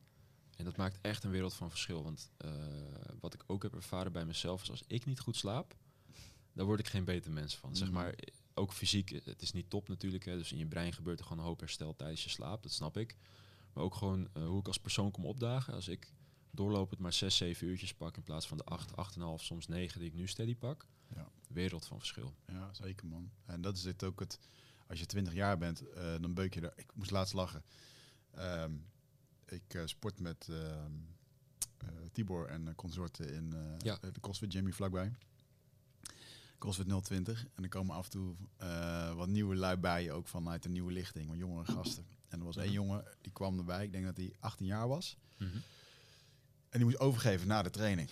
Ja, Dus hij zei, ah, was het eh, pittig, jongen? Ja, zegt, eh, niet gewend, weet je wel. En ehm, toen ehm, wilde die een, eh, toen vroeg hij aan Tibor van, zal ik even een, is het nu goed, is het nu verstandig om een, een, een Red Bulletje te pakken of wat dan ook? ja, Hij had drie, drie blikjes Red Bull had hij voor de training op. Met het gedachtegoed van daardoor ga ik beter presteren. Want ik moet zo meteen met de jongens mee. En, eh, en toen zei Timo, nee man, die troep moet je sowieso niet eh, eten. Je moet gewoon, als je dat wil, pak dan gewoon een kopje koffie van tevoren. Ja, Ja. die had ik er ook al twee op. Weet je wel, die stond Genoeg helemaal cafeïne. om- strak van de cafeïne. Om daar, eh, terwijl het eigenlijk gewoon je lichaam helemaal leeg trekt, weet je wel. En, maar dat is de, toen we ook die supplementenketen hadden. Ja. Ehm, de meest gestelde vraag was, hey, waarom zijn jullie eh, eiwitten beter dan die van Body and Fit? Ja. En dan, ja, oké, definieer beter, weet je Mhm. wel. Ja, want ik, ik voel jullie pre-workout niet. Oké, dus als je de pre-workout voelt, eh, wat bedoel je dan? Ja, die andere als ik drink, dan, eh, dan voel ik het echt kloppen in mijn nek en hart, mijn hartslag gaat omhoog. Ja, Wauw man, dus dat, dat is voor jou het kenmerk dat iets goed voor jou werkt. Als ik Ja. ergens hartkloppingen van krijg, dan is het eigenlijk niet goed. Ik denk dat het ook een manier van, misschien niet per se verdoving is, maar wel gewoon eh, het opzoeken van iets wat, wat de thrill veroorzaakt. Weet je, het heeft gewoon iets om even zo'n schepje ergens in te gooien, achterover te tikken en te denken, ja man, let's go, ik voel het. Ja. Maar, ehm, hoe heet de beste man ook weer? Tim Ferriss, die zegt dat ook heel mooi. Eh, there's no such thing as a biological free lunch. Mhm. Dus zodra jij iets van eh, eh, positieve emoties of arousal of excitement echt eh, agressief naar voren trekt, hè, dus dat je dat afkadert binnen een uurtje om te trainen, ja, dan betaal je de prijs achteraf. Mhm. Ehm, en dat kan nog steeds als je dat tactisch doseert wellicht. Dat is wat ik dus wel doe. Ik pak wel op specifieke momenten re- redelijk wat L-tyrosine of alpha-GPC bijvoorbeeld. Ehm, trouwens, volgens mij heet het gewoon tyrosine, niet L-tyrosine. Maar in ieder geval de twee stoffen die toch wel zorgen voor een flinke dopaminepiek. Ehm, en ook een effectievere eh, recycling ervan. Voor in ieder geval je receptoren worden iets gevoeliger, dus nemen eh, zaken beter op. Eh, dat maakt voor mij echt een verschil. Maar ook daarin merk je wel van, hey, als je dat twee dagen doet en je doet het een derde dag niet, ja, Ja. dan ga je al verschil merken, weet je. Dus je wil dat heel tactisch toepassen wanneer het je uitkomt. Ja. En ook daarin nog steeds minimaal. Want ik vind dat de baseline gewoon goed moet zijn. En als de baseline niet goed is, dus Ja. Zonder cafeïne eh, ben je niet vooruit te branden. Ja, dan is of je voeding shit, of je, je slaap, of een combinatie van, of je herstel, wat weer te maken heeft met voeding en slaap, Ja. eh, of je conditie. Maar er is gewoon iets niet goed aan. Ja. Nou geloof ik wel dat je ehm, altijd afhankelijk bent van stoffen. Hè? Want je, je consumeert natuurlijk gewoon stoffen door middel van voeding en, eh, en, en vocht en zo. Maar ehm, het zou niet een soort van het ding moeten zijn om op terug te vallen. ja, zeker. En dat doen veel jongeren zeker. Maar dat wordt ook gevoed door, de Joel Beukers en de, de Kosso's. eh, waar ik overigens heel goed mee ben hoor, met Kosso. Maar ehm, het, het, het wordt wel gevoed ook door dat, door dat image wat dan eh, geschept wordt. Hè, van hey, eh, even scoopje erin en gas geven. Ja, Ja, tuurlijk. het heeft wel wat, maar het is, het is niet ideaal. Het is niet Nee. duurzaam. Het is wel briljant in marketing. Ik, Zeker. Maar ik, ik snap wel dat, en ik geloof ook dat heel veel jongeren, en including myself, dat ik denk dat als ik, toen ik 23, 24 was, Mhm. jezelf leren kennen is best wel lastig. Want op fysiek kan je, zo- je kan zoveel hebben als je 20, 40, 24 jaar bent. Ik bedoel, als je kijkt wat ik allemaal heb gedaan eh, in die levensfase, Ja, eh, aan wel. ongezonde dingen, hoe dat ik er nu bij zit hier, is een wonder, weet je wel. Het lichaam kan echt veel hebben. Eh ieder met uren werken en doen. En Ja. dan kwam ik, ging ik 's ochtends zeven weg, s'avonds tien kwam ik thuis. En dan eh, dat deed ik vijf dagen per week. Ja. Dus het is wel, en op een gegeven moment komt er een bepaald punt dat het, eh, dat het lichaam, eh, dat je ouder begint te worden. Dan moet je erover na gaan denken. Ja, en het, eh, het gevaar is nog eens een keer pas als je jezelf de ruimte geeft om dat te ervaren. Van hé, hey, ik ga nu even drie weken op vakantie. Je ziet vaak dat mensen dan ineens ziek worden of echt niet vooruit te branden zijn die hele vakantie lang. Omdat er dan eindelijk ruimte is om je rust te kunnen pakken en te herstellen. Ja, dan gaat je lichaam die kans ook zwaar grijpen. Ja. Komt eh, vaak heel vervelend over. Maar aan de andere kant, als je dat niet doet, dan wordt het een keer geforceerd in de vorm van zware fysieke klachten. Of dan wel de stereotyperende burn-out of zo. Hmm, ja, ja, zeker man. Hey, en eh, je noemde het net al eventjes, zo, de, eh, de mescaline die hier op tafel staat. Ehm, De stof die niet genoemd mag worden. stof die niet genoemd mag worden, maar wel genomen wordt. Yes. niet vandaag trouwens, maar Nou, aanstaande Ja. vrijdag eh, slinger ik er wel een paar naar binnen hoor. Maar dat, eh, eh, ik heb hier dus de, de bekende eh, cactus eh, uit Mexico eh, verpulverd in een capsule zitten. Cool. Ehm, waarmee je kan eh, microdosen. Eh, dus dat vind ik ook wel even een leuk linkje, want je noemde het allemaal stoffen en dingen. Maar ben je een beetje van het microdosen? Eens geprobeerd? Ik heb dus nog nooit gemicrodosed. Ik heb alleen twee keer eh, gewoon truffels uit een smart shop eh, gehaald. Wel eh, wat zwaar, de wat zwaardere variant, maar goed, ik laat me ook maar adviseren door zo'n kerel achter Mhm. een toonbank. Ehm, Die Ja. hier, neem jij deze maar, jongen. ja, moet ik vanaf, want eh, ze zijn bijna eh, bedorven. Dus verzekerd deze van een goede avond, alsjeblieft. Maar ik moet zeggen, mijn ervaring was top. Ik deed dat met twee vrienden van me. Ehm, bijzondere ervaring ook. Heel veel gelachen. Mhm. Niet echt bijzondere dingen gezien, wel heel veel bijzondere dingen gevoeld. En dingen voelen is sowieso voor mij ehm, een bijzonder onderwerp. Want ik ben heel erg rationeel, zit heel erg in mijn hoofd. Dat is ook waar voor een groot deel klanten mij echt specifiek voor bellen. Van hey, trek eens gewoon die hele casus gewoon rationeel uit elkaar. Even niet heel empathisch, eh, maar kijk eens gewoon naar wat je ziet. Hmm.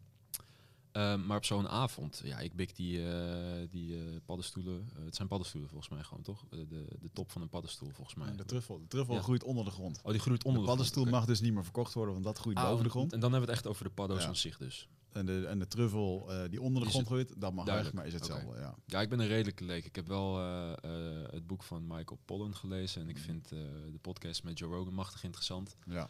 Maar ik ben niet heel erg thuis in die Ja. materie. Maar ik heb dus Voor de luisteraars, Michael Pollen is ook bij Eindbazen geweest. We hebben hem geïnterviewd in Amsterdam. Dus dat is een oude episode. Ik ben even Ja. kwijt welke, maar check die vooral. Ja. Maar goed. Die is heel interessant ook. Ehm, maar ik heb die, die dingen dus weg zitten bikken. En eh, sowieso, je perceptie van tijd wordt heel raar. Eh, dus wij zaten gewoon, eh, het gesprek wat wij nu voeren, gevoelsmatig duurde dat zo lang. En dan keek ik op de klok en er waren er vijf minuten voorbij. Dat was heel vreemd. En wat ik merkte is, ik begon, ik moest heel veel lachen. maar ook zoveel lachen dat ik moest huilen van het lachen, op een leuke manier. Maar toen waren we op een gegeven moment uitgelachen en toen bleven er gewoon tranen lopen bij mij. Mhm. Maar niet omdat ik verdrietig was of zo. Ik was ook niet aan het huilen als in verdriet. Maar ja, het bleef gewoon doorlopen. En ik begon ook, eh, ik kreeg een hele rode kop, heel veel rode vlekken op mijn lijf. Heel erg veel rillen. Ja, dat is dan toch denk ik een soort van eh, eh, trauma release of zo, weet je wel. Ja man, stress release. Stress release. Ehm, en de dagen daarna was ik ook helemaal gesloopt. Zowel mentaal als gewoon fysiek. Ik had ook gewoon spierpijn op hele rare plekken. Mhm. Ehm, maar daarna voelde ik me enorm goed, man. Dat was echt, dus niet heel kort daarna, eh, een paar maanden later weer gedaan. Zelfde ervaring, maar dan minder. Ehm, en ik heb dat eigenlijk een beetje eh, laten liggen. Eh, dat is een anderhalf jaar terug. Maar juist de laatste dagen, nu ik heel veel in een korte tijd heb meegemaakt, zowel zakelijk als privé, heb ik ook zoiets van, ja, ik denk dat ik er wel weer even aan toe ben om gefaciliteerd door iets van een stof wel weer even de diepte in te gaan. Ja. Want ik ben wel hardcore van de, de dopamine detoxes en dat soort dingen. Weekend in een hok zitten in stilte en kijken wat er boven komt drijven. Mhm. Maar ik denk dat er ook nog wel een eh, exponentiële meerwaarde te halen valt uit eh, hetzelfde doen, maar dan gefaciliteerd door een bepaalde hoeveelheid stoffen. Ja. En of dat dan mescaline is of eh, ayahuasca, I don't know. Mm. Maar ik ben wel, ik merk wel dat ik steeds meer open sta om, om dat soort dingen uit te proberen. Ja. Ik had altijd al wat weerstand, ondanks dat ik interesse had erin. Omdat ik dan ergens toch een beetje angstig ben van, goh, wat ga je tegenkomen? Maar ja, je zou kunnen stellen, als je dat hebt, zou je het misschien juist moeten doen. Mhm. Ehm, maar de duur eh, heeft mij vaak tegengestaan. Dus Ja. met ayahuasca ben je best wel even zoet. ja, zeker. Dan zeg ik op mijn beurt van, hé, hey, eh, geef mij maar gewoon een flinke hit eh, DMT. Dan heb ik gelijk wel zwaar kaliber te pakken, maar dat duurt tenminste niet zo lang. Alleen, Hmm. jij zei ook al terecht tegen mij van, hé, hey, je tijdperceptie wordt anders. Dus het duurt maar een paar minuten misschien, maar voor jouw beleving kan het zomaar een dag duren of zo. Ja. Nou, ja, ligt eraan in welke van de miljoen opties je in gaat tappen. Ja. En eh, eh, heb je het idee dat toen je dit deed, eh, was het toen gewoon van, nou, we gaan dit een paar keer doen met een paar vrienden en we zien wel wat er boven komt? Was dat een beetje het gedachtegoed? Ja, Ja. ja. eigenlijk wel. Maar ik denk dat dat ook de goede insteek was ehm, op dat moment. Als ik het nu zou doen, zou ik specifieke vraagstukken voor mezelf helder hebben. Ik zou de week in de aanloop er naartoe ook veel beter ehm, met respect er naartoe werken. Dus eh, zorgen dat mijn slaap echt on point is, mijn voeding nog beter on point. Goed uitgerust met eh, de juiste heldere intentie eh, ergens in een hutje op de hei gaan zitten. Hmm. die spullen naar binnen werken en kijken wat er boven komt drijven. En ik denk dat je daar ook meer waarde uit haalt. Eh, maar dat heeft ook te maken met de levensfase waar ik nu in zit. Ja. Er gebeurt nu gewoon veel meer op meerdere facetten in mijn leven dan een paar jaar terug toen ik dacht van joh, we gaan even lekker truffelen met z'n allen. Hmm. Dus Ja. zodoende. Ja. Zou, zou dit iets, voor- eh, vind je dat dit iets eh, voor iedereen? Ehm, mm, ik denk dat het eh, niet per se gestimuleerd moet worden. Dus ik zou dat ook niet per se in een coaching sessie per se tegen iemand zeggen. Tenzij ik al merk dat iemand daar zelf echt voor open staat, maar gewoon nog niet helemaal door heeft dat het een optie is die bestaat. Hmm. Maar ik zou nog niet van de daken lopen schreeuwen van joh, iedereen moet even op zaterdagavond een potje ayahuasca opentrekken of zo.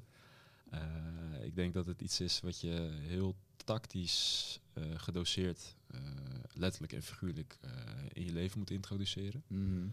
Eh, en ik geloof ook wel dat het vanzelf op je pad komt als je het een keer nodig hebt. Ja. En dan niet op per se op een zweverige manier, maar als je echt tegen bepaalde issues aanloopt in je leven of bepaalde zaken eh, meer helder wilt krijgen, ga je vanzelf wel zoeken naar eh, wat daarin kan faciliteren. En dan kom je toch snel bij zoiets als ayahuasca of mescaline uit. Ja, ik ben benieuwd hoe jij zou gaan op een eh, microdose eh truffel. ik denk dat je dat goed zal bevallen. Nou, aanstaande vrijdag eh, gaan we het proberen. Ja, ja dat is... Wou niet.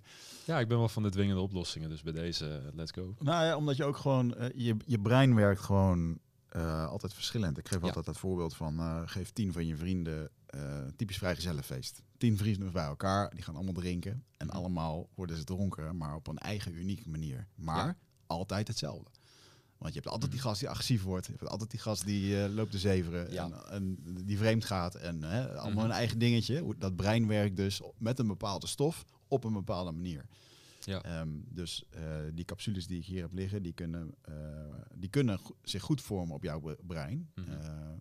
Maar ook niet, weet je wel. Ja, Dus dat is een beetje het spectrum van wat je moet uitproberen. ja. En waar, ehm, ja, waar je toch een beetje psychonautneigingen voor moet hebben. Omdat gewoon... eh, eh, je moet het ook een paar keer hebben gedaan om te ervaren wat het nu precies is. Ja. Ik denk wel dat eh, de psychonautachtige middelen, om ze zo te noemen, veel meer als je je brein als een cirkeltje tekent, of in ieder geval de bubbel waarin je zit, hè, dus de patronen en de verbindingen die je op dit moment hebt, dat daar nieuwe zaken bij komen vanuit neuroplasticiteit. Hmm. Eh, en als we het dan specifiek over alcohol hebben, eh, je ziet ook mensen die gewoon dronken zijn, dat bepaalde compartimenten in je brein langzaam uitgeschakeld worden tot je wat meer bij het oerbrein terechtkomt. Ja. Eh, en dat drank dus veel meer de kern en soms ook de minder leuke delen van jouw kern naar boven halen. Hmm.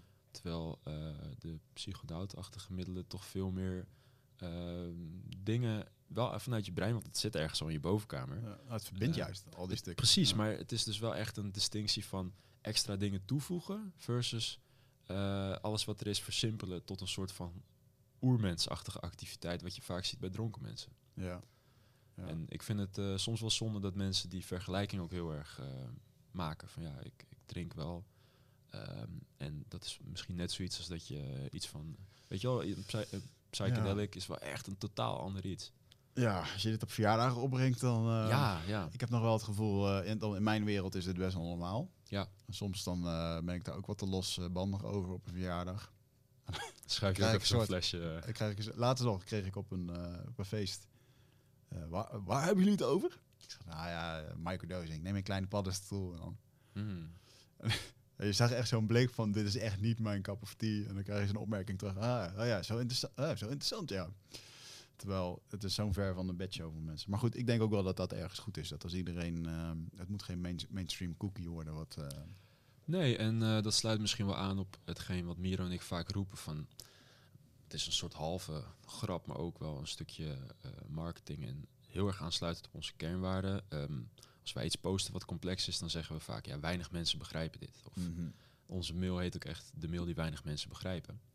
Er zijn gewoon onderwerpen ehm, die in onze optiek essentieel zijn om eh, ehm, een complete beeld van de wereld bijvoorbeeld te hebben en eh, goed te kunnen functioneren in de, in de wereld en adaptief te kunnen blijven bijvoorbeeld, waar we het net over hadden. Maar dat is niet iedereen zijn cup of tea. Mhm. En eh, jij vroeg ook net van, hey, eh, voor wie zijn jullie er op het gebied van coaching? Ja, niet voor iedereen. Sterker nog, we zijn er voor bijna niemand. We zijn er alleen voor een heel select publiek eh, die zichzelf ook heel erg onbegrepen voelen. Ehm, en dat is denk ik hetzelfde met eh, psychedelics, man. Het is gewoon zo'n onderwerp dat het gros van de wereld er niet van af weet of er niks mee heeft. Ja, helemaal prima. Meer voor Mhm. mij. Ja. ja, het is interessant wat het, ehm, eh, hoe dat het nu opkomt. Ja. En ehm, Ja. ben benieuwd wat dat in de komende jaren gaat. eh, Ja, je kunt het wel met, met liefdevolle intentie natuurlijk proberen te verspreiden. Dat is net zoals wat wij dus ook doen met zo'n mail of met, met content in het algemeen. Maar eh, ja, je moet altijd wel de rekening mee houden dat het alleen blijft plakken bij mensen die er ook echt voor openstaan. Ja. En ook misschien qua persoonlijkheid eh, daar een goede match in zijn. Mhm. Dus dat kan ook soms met een stukje denkniveau of een stukje eh, levenservaring te maken hebben. Ja, ja zeker. Even ehm, wat je net zei hè, van ehm, ehm, de wereld om je heen eh, kennen. Eh, jullie Ja. schrijven veel over wat er gebeurt in, de in, de wereld. Ja, we hebben genoeg om over te schrijven op het moment. Ja, zeker. En, eh, maar een heel, heel veel gehoorde term en wat ook goed scoort is... ja jongens, als shit hits de fan, dan moet je zus en zo. Dan moeten we er klaar voor zijn. Hè? Dan, Ja. Je hoort dat op veel... ja, laat ik het zeggen, uit veel hoeken die wat argwaan aan het kijken naar wat overheden vandaag de dag doen. Ja. Eh, wat er in het financiële systeem gebeurt, want dat staat op klappen. Ja. Ehm, merk je niet veel van nu, maar ja, ik was even heel erg benieuwd. Wat is nou jouw definitie van when shit hits the fan? Of welke gradaties hebben we daarin?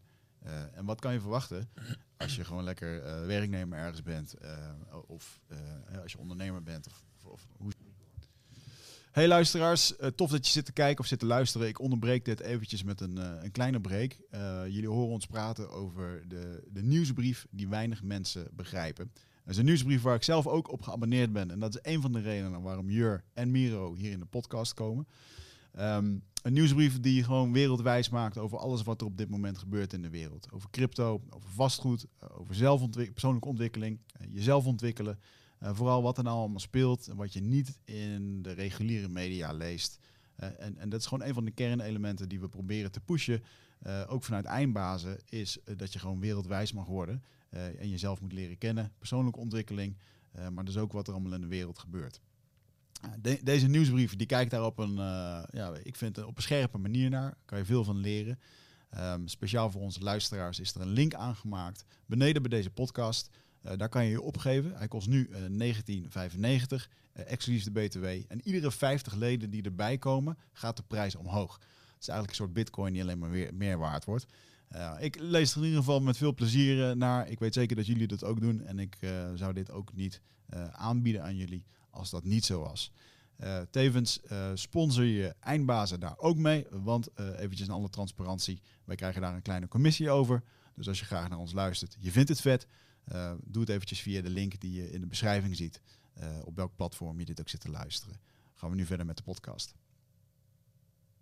zie je dat? Oké, dat is een hele uitgebreide vraag. laten we beginnen met, wat, hoe Ja. zie jij shit, wat, als wat bij jou opkomt, eh, shit hits the fan. Wat komt er bij jou op? Oké, shit is de fan. Ehm, ja, heel eerlijk, als dan mijn oerbrein even gaat ratelen, zie ik een soort van Walking Dead scenario voor me. Maar dat komt gewoon omdat ik te veel series heb gekeken waarschijnlijk. Maar als ik eh, echt ga redeneren van wat is een most likely scenario, eh, dan versta ik onder shit is the fan een soort ja, financiële ehm, repressie, denk ik, als dat eh, een goede omschrijving is. Waarbij wat je nu heel erg ziet in het financiële eh, systeem is dat er iets aankomt dat heet central bank digital currencies. Dat is gewoon een vervolgstap richting de digitalisering van geld. Waarmee je heel makkelijk ehm, eh, gedrag kunt belonen of kunt afstraffen. Heel makkelijk dingen kunt traceren. ehm, weinig privacy meer hebt. Hè, in nou ja, wat voor mate je dat überhaupt nog hebt op dit moment. Maar daar kun je dus eh, heel veel invloed op uitoefenen vanuit eh, een, een, een centraal iets, zoals een overheid of een centrale bank, richting het volk. En eh, dat gepaard met de ontwikkelingen die je in de wereld ziet ontstaan. Hè, dus ehm, we hadden vroeger de grootmacht Amerika of het Westen, eigenlijk sinds de Tweede Wereldoorlog. Ja, dat begint langzaam af te brokkelen en je ziet dat juist landen zoals Rusland, China, maar ook eh, de BRICS-alliantie, dus Brazilië, eh, India, Zuid-Afrika zelfs een beetje. En wat andere emerging markets, dat die steeds meer up-and-coming zijn en ook veel recalcitranter beginnen te worden richting het Westen. Ja. En terecht. eh, want iedereen binnen onze bubbel, hè, dus binnen Europa en Amerika, denkt van goh, die Poetin is een slechte kerel. Of die gasten in China, die weten ook niet wat ze doen. Weet je, dat zijn maar een stel zware communisten. Ja, daar vallen zeker kanttekeningen eh, bij te stellen. Maar eh, wij als het Westen zijn ook niet bepaald heilig op dit moment. Nee, wij niet. positioneren ons best wel eh, dominant, maar niet helemaal gefundeerd. En als we dan teruggaan naar eh, dat shit hits the fan vraagstuk. Je kunt hem heel groot bekijken van hey, eh, wereldmachten gaan clashen tegen elkaar. Dus het Westen versus BRICS bijvoorbeeld. Dat is iets waar ik ook veel over schrijf op dit moment. Maar op... Clash in de vorm van oorlog of van financiële seks? nou ja, eh, allebei. sancties? Ja, dat kan op veel verschillende manieren. Het kan letterlijk in een worst case scenario oorlog zijn. Maar ik redeneer wel vanuit... ehm, veel landen willen één ding en dat is eh, domineren. Dat is, eh, of mensen willen één ding en dat is domineren. Mensen willen controle over andere mensen hebben. Hmm. Wat je ziet sinds het begin der mensenheugenis is dat er altijd een aantal figuren in een samenleving of in een groep de macht pakken. Dat is altijd al zo geweest. Hè. Dus zelfs vroeger in stammen of in de tijd van holbewoners had je gewoon de meest dominante guy. Die vaak ook psychologisch eh, eh, eh, dominantie wilde uitoefenen op mensen. Die werd vaak de leider omdat hij wel gewoon bepaalde capaciteiten heeft. Om ook echt dat leiderschap te dragen. En vaak ook wel manipulatief en Hmm. fysiek dominant is en een bepaald denkniveau heeft. Maar dat zie je ook op landelijk niveau. Dus binnen een land zie je dat bepaalde mensen de macht grijpen. Maar als land zijnde zie je dat landen onderling altijd weer lopen te clashen over grondposities of over politieke zaken, financiële zaken.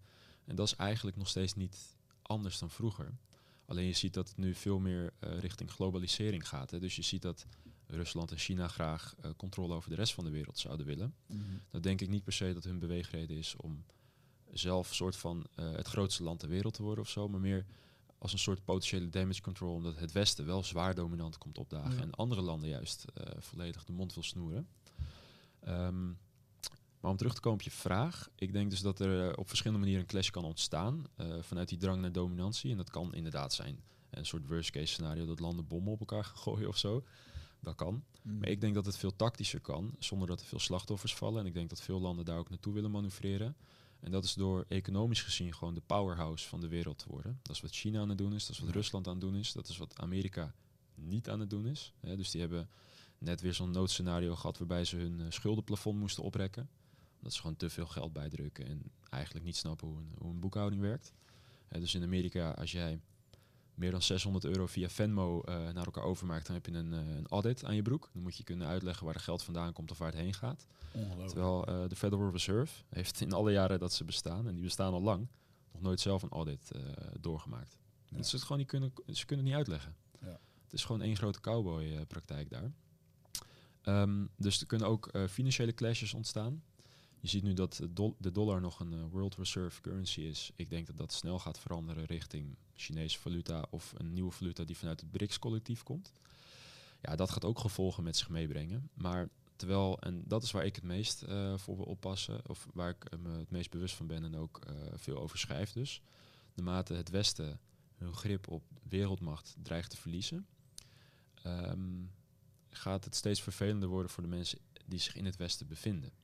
En dat zie je nu al heel lang eigenlijk. eh, dat is een trend die al heel lang aan het doorzetten is. Dat het leven eigenlijk langzaamaan steeds oncomfortabeler gaat worden in het Westen. En dat klinkt Mhm. misschien heel contrair voor mensen die nog niet in de materie zitten. Maar belasting gaat sowieso alleen maar omhoog de komende jaren. Inflatie blijft hoog.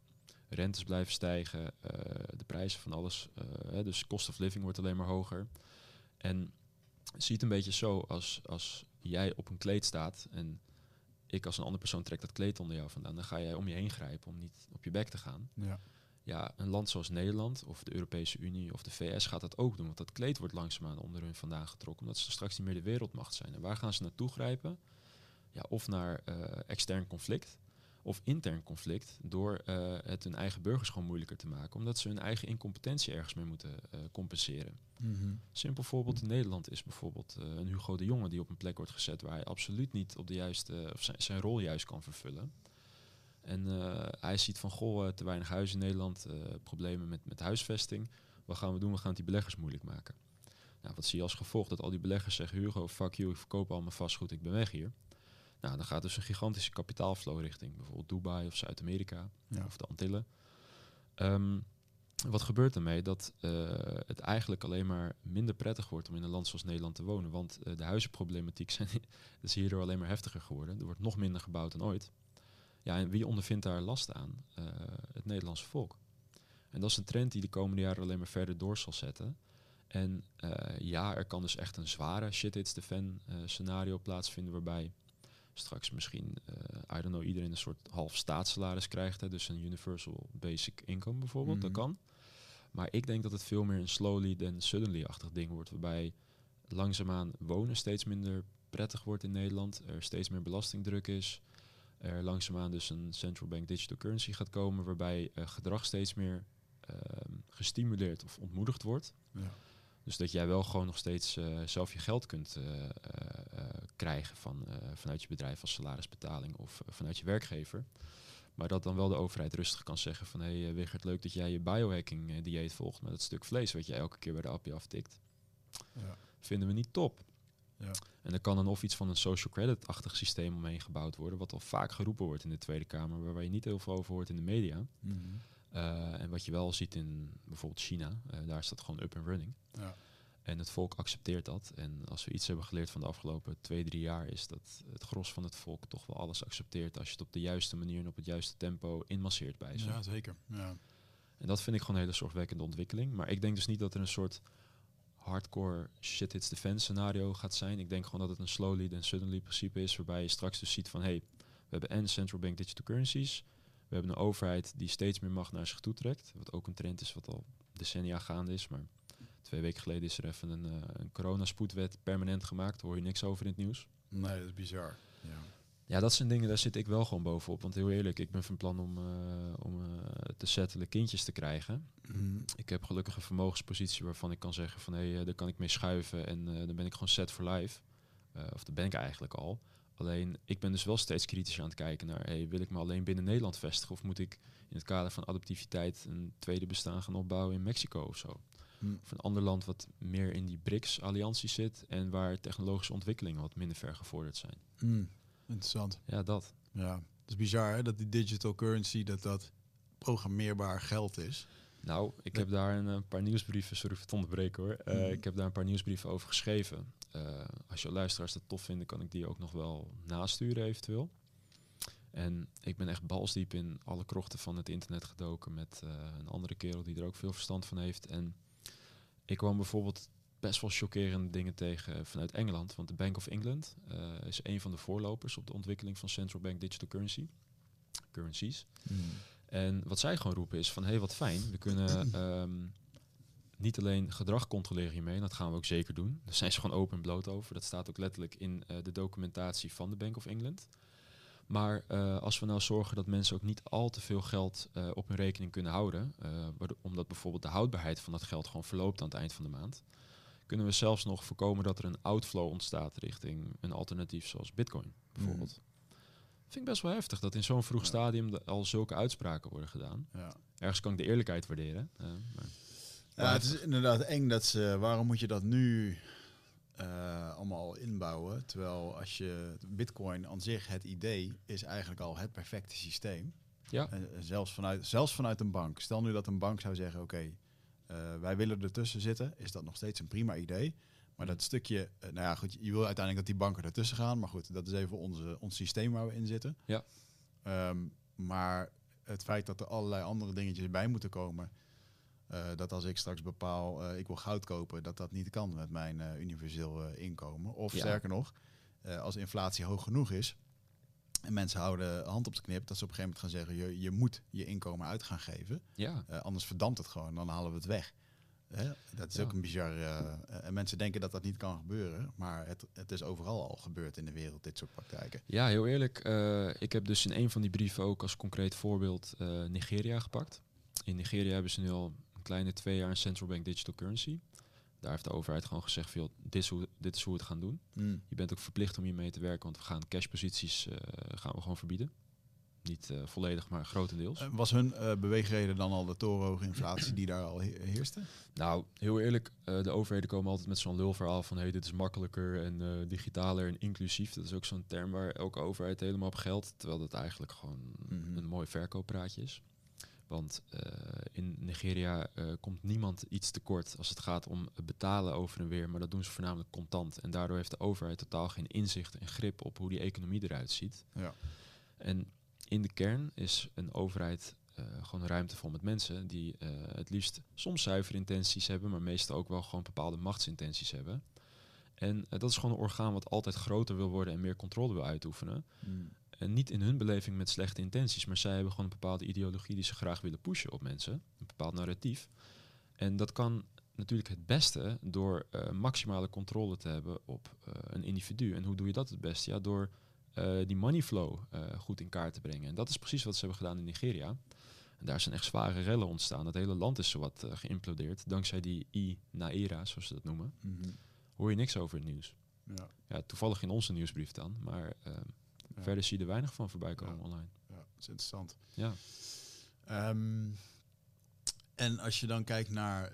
Um, uh, dat zijn ook de plannen van 2030, toch? Van de, uh, of tenminste, ja. daar wordt het vaak aan gekoppeld. ja. En uh, ik wil niet helemaal in het corona of domhoekje gaan zitten weer, nee. want daar ben ik net uitgekomen. Mm -hmm. um, maar het is wel gewoon een ding, als je, er naar, als je, als je het een beetje volgt, ja. dan zie je gewoon dat het uitgerold wordt. En Eens. Uh, ik zie eigenlijk niet zoveel tegenbeweging dat het, dat het niet gaat gebeuren. Nee, en ik, uh, ik denk ook niet dat de oplossing zou moeten zijn uh, om een zware tegenbeweging te beginnen. Ik uh, heb in die COVID-periode gezien dat de meeste mensen het allemaal wel prima vinden. Ik ben er samen met Miro en een aantal andere mensen, zoals bijvoorbeeld Tibor, voor de kleine groep die uh, daar niet zo lekker op gaat. En wij zoeken gewoon naar een, een uitweg voor onszelf en onze naasten. Mm. Of een alternatief. En that's it. Maar ja. ik ben niet, uh, want jij benoemde net heel bewust uh, uh, dat 2030 onderwerp. Um, ik wilde wel een bepaalde nuance in aanbrengen dat de waarheid ligt wel in het midden. Hè? Dus wat je nu heel erg ziet is dat alles heel erg gepolariseerd wordt uitgedragen. Dus aan de ene kant van het spectrum heb je, zeg ik dan altijd een beetje oneerbiedig, de, de deugdmensen die denken dat de hele wereld deugt. Ja. En dat de overheid altijd het beste met ze voor heeft. Ja, D66'ers. Bijvoorbeeld. Ja, dat zijn Sorry de, voor de iedereen die deze stuurt, maar ik kan er ja. niet mee leven. Nee, en dat zijn dan vaak toch meer de wokies die vaak wel echt vanuit zuivere intenties, uh, omdat ze zelf vaak ook zuivere mensen zijn. Uh, niet dat rechts dat niet is of zo, hè, of uh, de tegenpolder. Maar vanuit maar, hun visie zijn ze zuiver. Ja, bedoel, vanuit ja, de, als je de, de meeste mensen zijn niet intrinsiek slecht, alleen een aantal dus wel. Hè. daar schrijven we ook veel over in die nieuwsbrief, maar dat is weer een heel ander onderwerp. Uh, maar die uh, verkleden zich onder dat hele linkse gedachtegoed, onder inclusiviteit en wokeness en al die bullshit. Um, waar in het beginsel niks mis mee is, maar wel als je het gaat misbruiken en gaat vergroten uh, verder dan dat nodig is. Maar ja. dat is de ene kant van het spectrum. Dus mensen die denken dat alle mensen deugen en klakkeloos alles aannemen wat de overheid verkondigt. Wat je nu ook hebt gezien is dat aan de andere kant van het spectrum mensen nog steeds eigenlijk niet kritisch nadenken, alleen um, klakkeloos zo'n soort wappiebeweging volgen. Ja. Dat moet je ook niet hebben, want dan ben je eigenlijk net zo tussen aanhalingstekens slecht bezig als de deugdmensen. Je volgt klakkeloos iemand uh, die toevallig iets roept wat, waarvan jij denkt, oh ja, dat zal wel goed zitten of dat matcht meer met mijn kernwaarden. Maar het is heel belangrijk om te beseffen dat de waarheid vaak in het midden ligt. Mhm. Dus ja, er is zoiets als een economic forum en er is ook een meneer die aan de leiding staat, genaamd Klaus Schwab. Die mensen bestaan. Ja. Hebben zij zuivere intenties? Ja, in hun beleving wel. Eh, willen zij een soort werelddominantie uitrollen? Ook. Maar is het een soort van eh lijpe conspiracy met, weet ik veel, reptilians en weet ik veel wat ik Mm. allemaal voorbij zie komen online? Nee, absoluut niet. Nee. Eh, de wereld is gewoon een complexe plek. Eh, de wereld wordt steeds groter en globaler. En er zijn een aantal mensen die de macht hadden en graag willen behouden. En gewoon alles bereid zijn om die ook echt te kunnen behouden. Ja. Ja, en daar, daarvoor worden bepaalde systemen en ook bepaalde propaganda-campagnes uitgerold. En dat is gewoon hoe de wereld werkt. Ja. Maar dat is wel een soort van middenweg in dat hele spectrum wat nu wordt geschetst. Hè? Ja, en, en wat gewoon zichtbaarder wordt met de jaren. Want dit speelt al Ja. eh, zolang dat wij eh, een soort van eh, ja, volk, bevolking vormen. ehm, Mhm. Is dit er altijd al? Dat het. En dan hebben mensen het over de elite. En wil ik mensen toch even wakker schudden. Dat als jij nu gewoon een baan hebt en je verdient 25.000 euro per jaar. Hoor jij bij die elite van de wereld. Klopt. Hè? En ehm, die een hele hoop kapot maakt. En, en, en onze industrie, eh, wapenindustrie, de farmaceutische industrie, eh, en de grondstoffenindustrie, die houden ook bepaalde dingen in stand. Net als Afrika, wat echt een gigantisch land is en waar gigantisch veel grondstoffen zijn, wordt gewoon bewust arm gehouden. Punt. Ja. Eh, En dat is echt wel een. eh, dus ook al ben je hier een soort van met, met je Tesla aan het rondrijden, ehm, je, je draagt nog steeds bij aan datzelfde systeem. Ja, En dat je in ieder geval daar bewust van bent eh, dat, je, dat wij echt niet heilig zijn in dit hele verhaal. klopt. Dat is ook wel onze insteek. Dus wij, ehm, of je nou dus, eh, als we het dan toch polariserend noemen, als je dan, of je nou een deugdmens of een wappie bent, hè, allebei even tussen aanhalingstekens. Ehm, het gaat erom dat je eh, een breed spectrum aan kennis consumeert.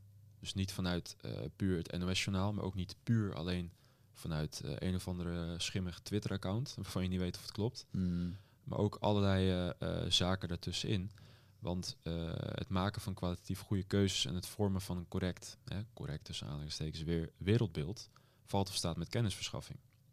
En je moet dus ook gewoon een, een breed scala aan kennis consumeren, omdat de wereld ook gewoon een complexe, grote plek is. En dan kan leuk wel een Elon Musk juist roepen van hey, Tesla, super vet, eh, geen uitstoot meer, bla bla bla. Terwijl dat uitstootverhaal is ook weer een, een rabbit hole eerste klas, waar ik nog wel een keer een brief over zou kunnen schrijven.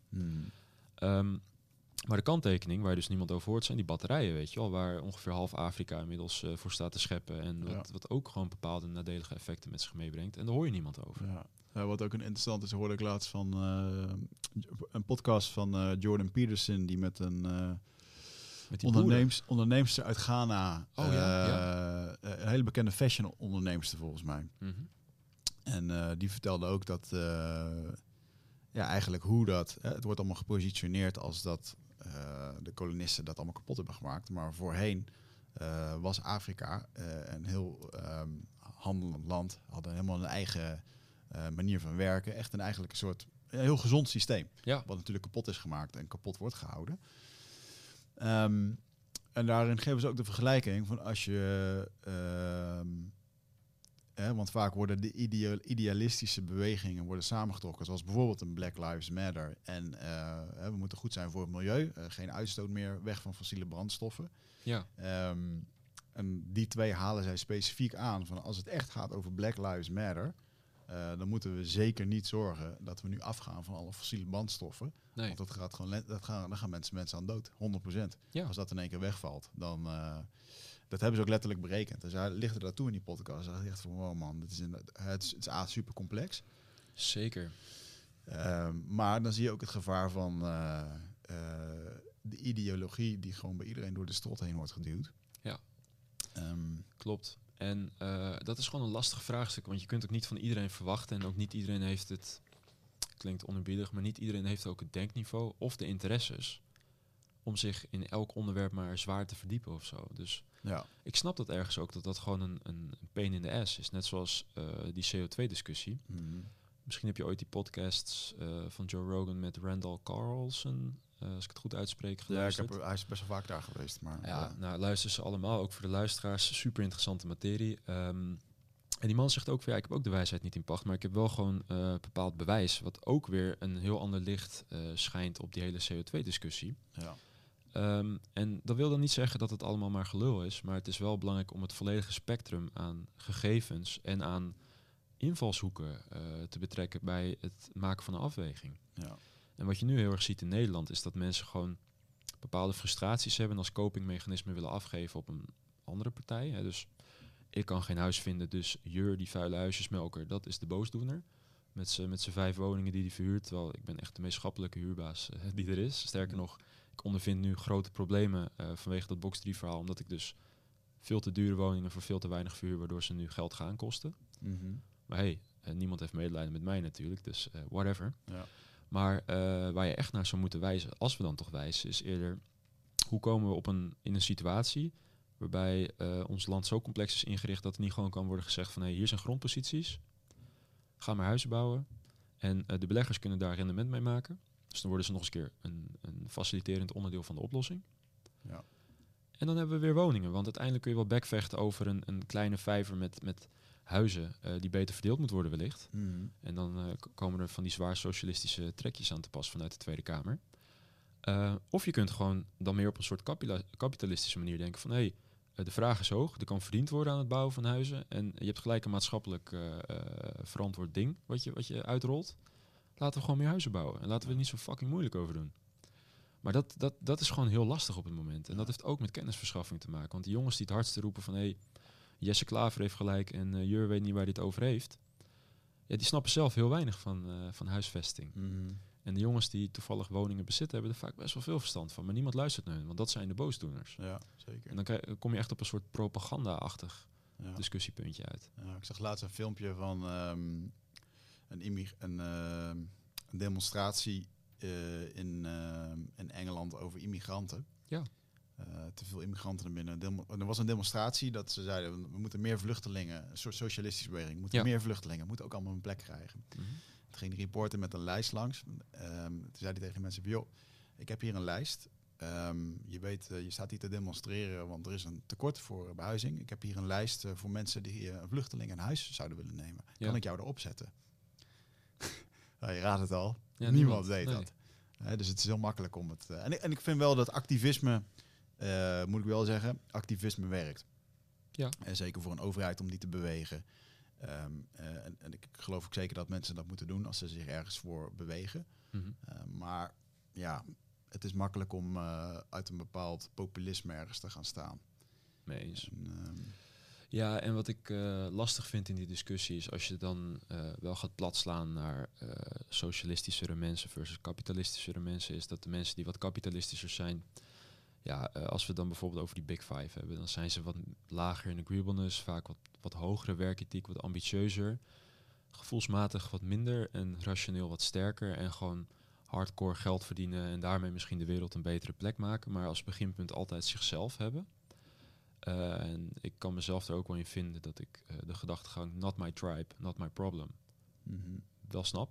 Want je moet bij jezelf beginnen voordat je anderen een beetje kunt helpen. Dus ook als land zijnde wil je wel eerst je eigen infrastructuur en economie goed op de rit hebben voordat je zegt van hé, hey, we gaan ons bemoeien met een ander land. Terwijl aan de andere kant van het spectrum heb je wat meer de, ja, de lieve mensen die gevoelsmatig ook veel meer, eh, die zijn veel empathischer, veel meer bezig met de wereld een mooiere plek maken om anderen ermee te helpen.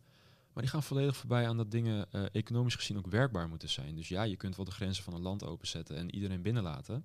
Sterker nog, ik ben niet, eh, eh, ik zit dus weer in het midden van dat spectrum. Want ik weet ook, en dat kan ik ook economisch gezien onderbouwen, dat als jij immigranten binnenlaat, dat een eh, positive sum is. Niet een zero sum game. Want mensen hebben dus het idee, voor de luisteraars, er bestaat een concept dat heet zero sum game versus positive sum games. Een zero sum game is, Wigert als immigrant komt mijn land binnen en pakt waarschijnlijk mijn baan af. Dus ik word daar slechter van en hij beter. Eh, terwijl de positive sum game, wat bij immigratie ook het geval is, is Wigert komt mijn land binnen. Maar Wigert heeft ook behoeftes. En het geld wat hij verdient, gaat hij ook weer uitgeven. En zijn uitgaven gaan weer andermans inkomsten zijn. En daarmee wordt een economie eigenlijk groter. Mhm.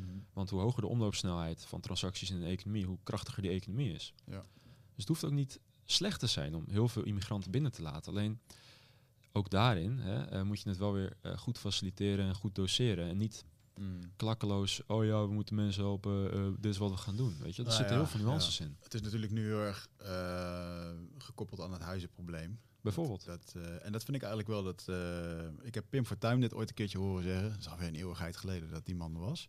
Ja, Maar dat hij zei van joh, eh, hè, want toen werd hij ook gewoon gespiegeld van joh, moeten we dan alle buitenlanders eruit gooien? En toen zei hij nee, de mensen die we binnen hebben gehaald, daar moeten we voor zorgen. Want daar Ja. hebben we ja tegen gezegd, daar moet je verantwoording voor nemen. Maar het is hè, nu de toestroom. En dat is met al die jaren natuurlijk niet gebeurd. En ik geloof dat wel, want we halen nu eigenlijk mensen binnen die je niks kan bieden. Niet in de situatie die we nu hebben. Nee, en je ontneemt daar dan wel weer ook een stukje kwaliteit van leven eh, voor huidige bewoners mee. En dan wordt het ineens wel weer een soort Hmm. zero-sum game. Ehm, en daarin zou je wel kunnen stellen van, hé, hey, eh, in het kader van not my tribe, not my problem, klinkt super hard, maar eh, zorg eens dat Nederland echt een supersterk land is. Hè? Economisch gezien, eh zorg eens dat elke Nederlander een fatsoenlijke woning heeft, dat soort zaken. En sterker nog, als je dan toch de smaak te pakken hebt, eh, gooi nog meer grondposities open, als we het dan hebben over huizen. Bouw nog meer woningen en eh, huisvest half Oekraïne hier. Dus noods, fuck it, waarom niet? We hebben Hmm. plek zat. Hmm. Ja. Hebben die mensen een fijne plek? Ja, hopelijk komt dan niet Poetin onze kant op, maar hè.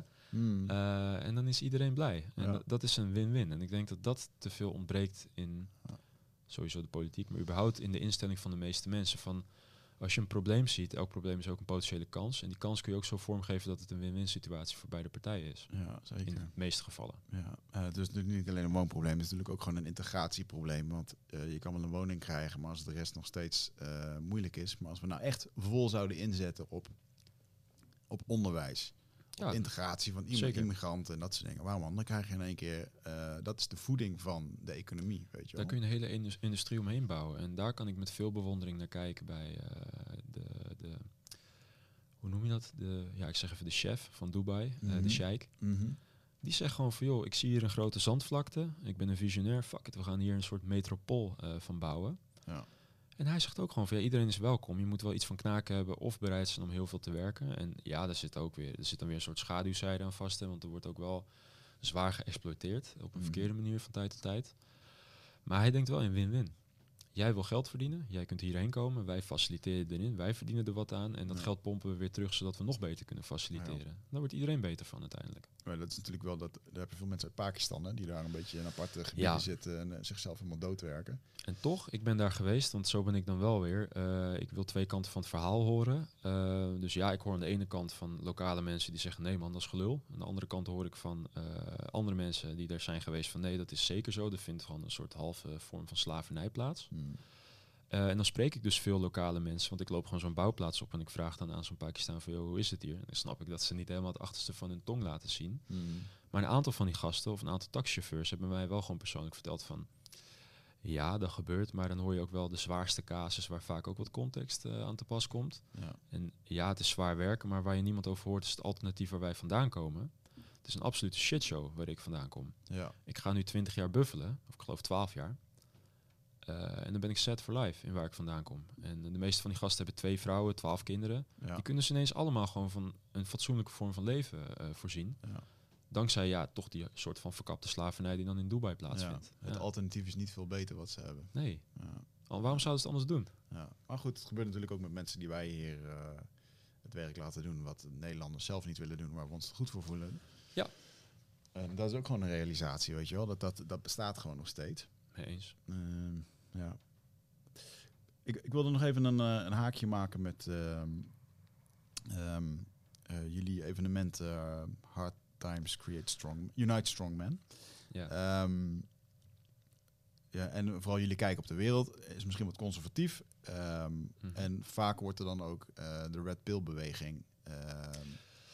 Ja, daar moeten we heel erg voor oppassen. dat wil ik niet zeggen, dat, dat is niet wat, eh, maar dat is, een soort van beweging waar nu ook, ook heel erg populistisch om daar een steen te gooien van ja, dit is de red pill en dit is de blue pill. Ja. Ehm, maar hoe, verhoud, hoe, hoe wil je daar uitblijven? Ja, wij hebben een eh, gezegde, don't justify, stipulate. Eh, en daarmee, eh, ja, simpel voorbeeld, ik heb een eh, collega Martien, die heeft een oogaandoening. En die eh, beukt wel eens iets omver omdat hij het niet ziet. En dan kan je natuurlijk, eh, dan zeg ik tegen hem, hey Martien, eh, kijk eens uit waar je loopt. Je ziet volgens mij veel te weinig, gaat het wel goed? En dan kan hij zeggen, oh ja, sorry, dit, dat. Of hij zegt, oh ja, maat, ik ben gewoon fucking blind. En nu? En dat is ook een beetje hoe wij dat zakelijk aanpakken. Van ja, We hebben het risico dat we in een soort red pill hoek gepusht worden. Hmm. We doen ons best om dat niet te doen. En dan? Ja. Fuck it. Wat wij natuurlijk wel heel bewust doen is... wij hebben bepaalde kernwaarden die we graag uitdragen. Maar waar wij nu het hardst eh over schreeuwen... is dat er eh, nuance in aangebracht moet worden. Dus nee, eh, eh, wij zijn niet een soort van diehard Andrew Tate aanhanger... of weet ik veel wie allemaal in die red pill hoek. Ik ben er niet super bekend mee, ik weet wat het is. Ik ook niet, want het is eigenlijk heel generaliserend hoe mensen daarover... eh, Ja, hoe ik het nu een beetje voor me zie, is volgens mij dat het een, een groep voorna- voornamelijk jonge mannen is die heel ontevreden zijn met hun leven en heel erg roepen van hey, ga hard werken, verdien veel euro's, disregard women en Mhm. acquire currency, zoals ik wel eens online voorbij zie komen. hmm. Ja, ik ben daar persoonlijk niet zo van. Eh, maar ik denk wel dat eh, ook uit de uiterste van een spectrum, dus als we dat dan zien als een soort blue pill, red pill, ik denk dus eh, het meest waardevolle advies en de meest waardevolle lessen zitten in de uiterste. Altijd. Ja. En wat wij gewoon oprecht proberen te doen is, hey, wat, wat, wat gebeurt er in die red pill hoek en waarom is die zo groot aan het worden? En wat kun je daaruit uit leren en wat kun je uit die blue pill hoek halen? Net zoals deugdmens versus wappie, om het even zo te omschrijven, Mhm. of socialistisch versus kapitalistisch. Ja. Eh, de waarheid ligt altijd in het midden. En dat is ook wat we uitdragen bij Hard Times. Van hey, ja, wij zijn het zeker niet eens met eh, wat de overheid allemaal uitrolt. En ja, wij proberen in te zetten op een stukje adaptiviteit, eh, een stukje bezieling. En wij schetsen ook de wereld heel erg complex, omdat het ook gewoon een complexe wereld is. Maar uiteindelijk wil je altijd zoveel mogelijk kennis vergaren en daar zelf een conclusie uit eh, onttrekken. Hmm. En wij zijn dus niet red pill, maar we zijn ook niet blue pill als je het zo bekijkt, weet je wel. Wij doen gewoon ons ding. Ja. En wij proberen eh, de meest nuttige zaken uit allerlei hoeken en stromingen te onttrekken. En dat is gewoon wat we doen. En ja, als je dat in een hokje wil plaatsen omdat dat je eigen manier van coping is of om iets op een bepaalde manier af te schilderen, ja, leef je uit, man. Ja. Dus Ja. ook zo'n eh, zo'n hardcore wokie. Ja, ik zou zeggen, kom gezellig langs. Ja. Bij ons ben je welkom. Misschien dat je met net andere inzichten naar huis gaat dan waarmee je binnenkwam. Ja, Mooi. prima. Ja.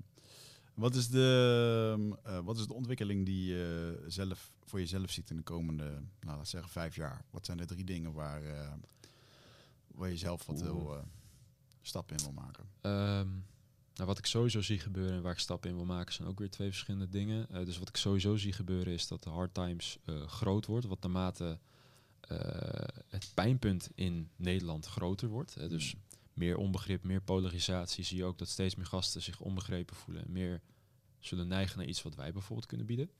Ja. Dus ik denk dat het evenement Hard Times Unite Strong Men, wat we overigens twee keer per jaar organiseren, Ja. twee eh, grote edities, dat we dat voorlopig ook kunnen blijven verdubbelen.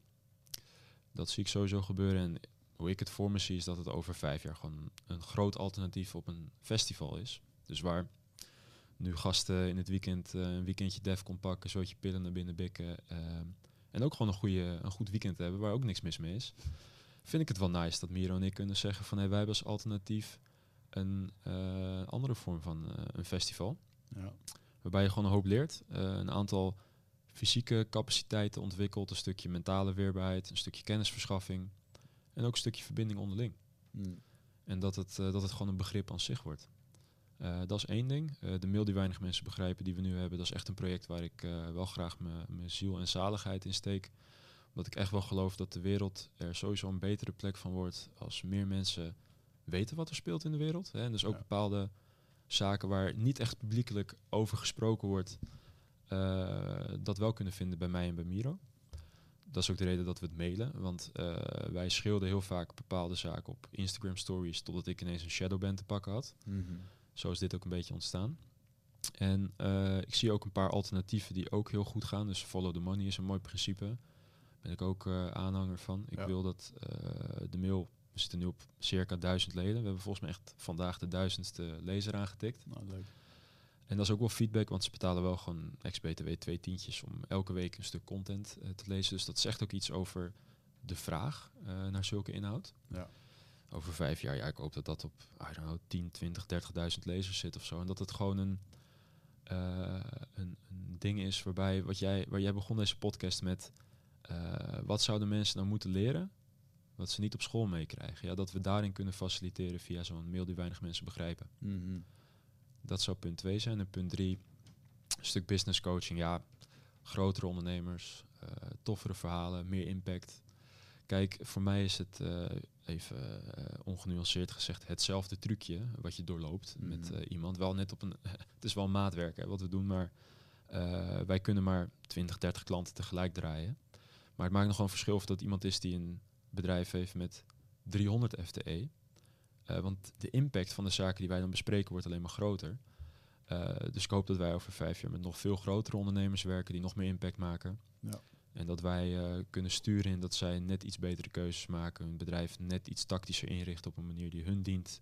En waar het voor iedereen een soort positive sum game wordt. Hè. Dus ook voor stakeholders, werknemers, leveranciers, Ja. maatschappelijk oogpunt mag ook gewoon daarin worden meegenomen. Ja, en verder, ik, ik ben ergens ook wel eh, ehm, realistisch genoeg om te beseffen dat binnen nu en vijf jaar komen Miro en ik allebei weer tegen andere projecten tegen, eh, Mhm. waarvan we denken, of eh, kansen tegen waar we een project aan hangen. Ja. Dus dat is een beetje het onbekende. En verder op persoonlijk vlak ben ik vooral heel erg benieuwd. ehm, dan denk ik meer short term. Short term, wat de, de psychonaut dingen Mhm. toch wel naar boven gaan halen bij mij. Want ik heb wel een bewogen periode gehad de afgelopen vijf, zes jaar. Zakelijk en privé. En ik merk dat nu langzaamaan dingen wat meer beginnen te landen daarin. Mhm. En eh, dat vormt je ook weer als mens. En ik denk dat de komende jaren vooral een periode gaat zijn dat dat eh, goed zijn plek vindt. Ja. Ja, en het krijgen van kinderen is voor mij wel een big deal. Mhm. Dus ik ben ook, eh, ik ben ook wel bereid om een groot deel van mijn business of af te stoten of af te schalen omdat de kinderen om de hoek komen kijken. Ja. Dat is voor mij het belangrijkste ding. Mooi. En Wat, eh, wat zou je jouw kinderen willen mee... Wat, hoe zou, hoe zie, heb je een beetje een visie over de opvoeding? Wat zou je je kinderen willen meegeven? Ja, mijn kinderen gaan niet naar school. Dat is één ding wat duidelijk is. Ja, ja zeker. Fuck off. Eh, mijn kinderen gaan echt niet eh, op school leren dat ze Jantje en Pietje met het of hun moeten aanspreken. Omdat zij zich die dag een aubergine voelen of zo. Eh, mij niet willen daarvoor. Ja. Uh, de Eh. vraag is even of dat... Mijn dochter zit nu op school en eh, ik, ik, ik ervaar dit niet in deze extreme. Eh, En, eh, ik heb toevallig afgelopen weekend de docu gezien, Wha- eh, What is a Woman? Ja. Van, eh, ja, ik zag het. En ehm, ja, wauw.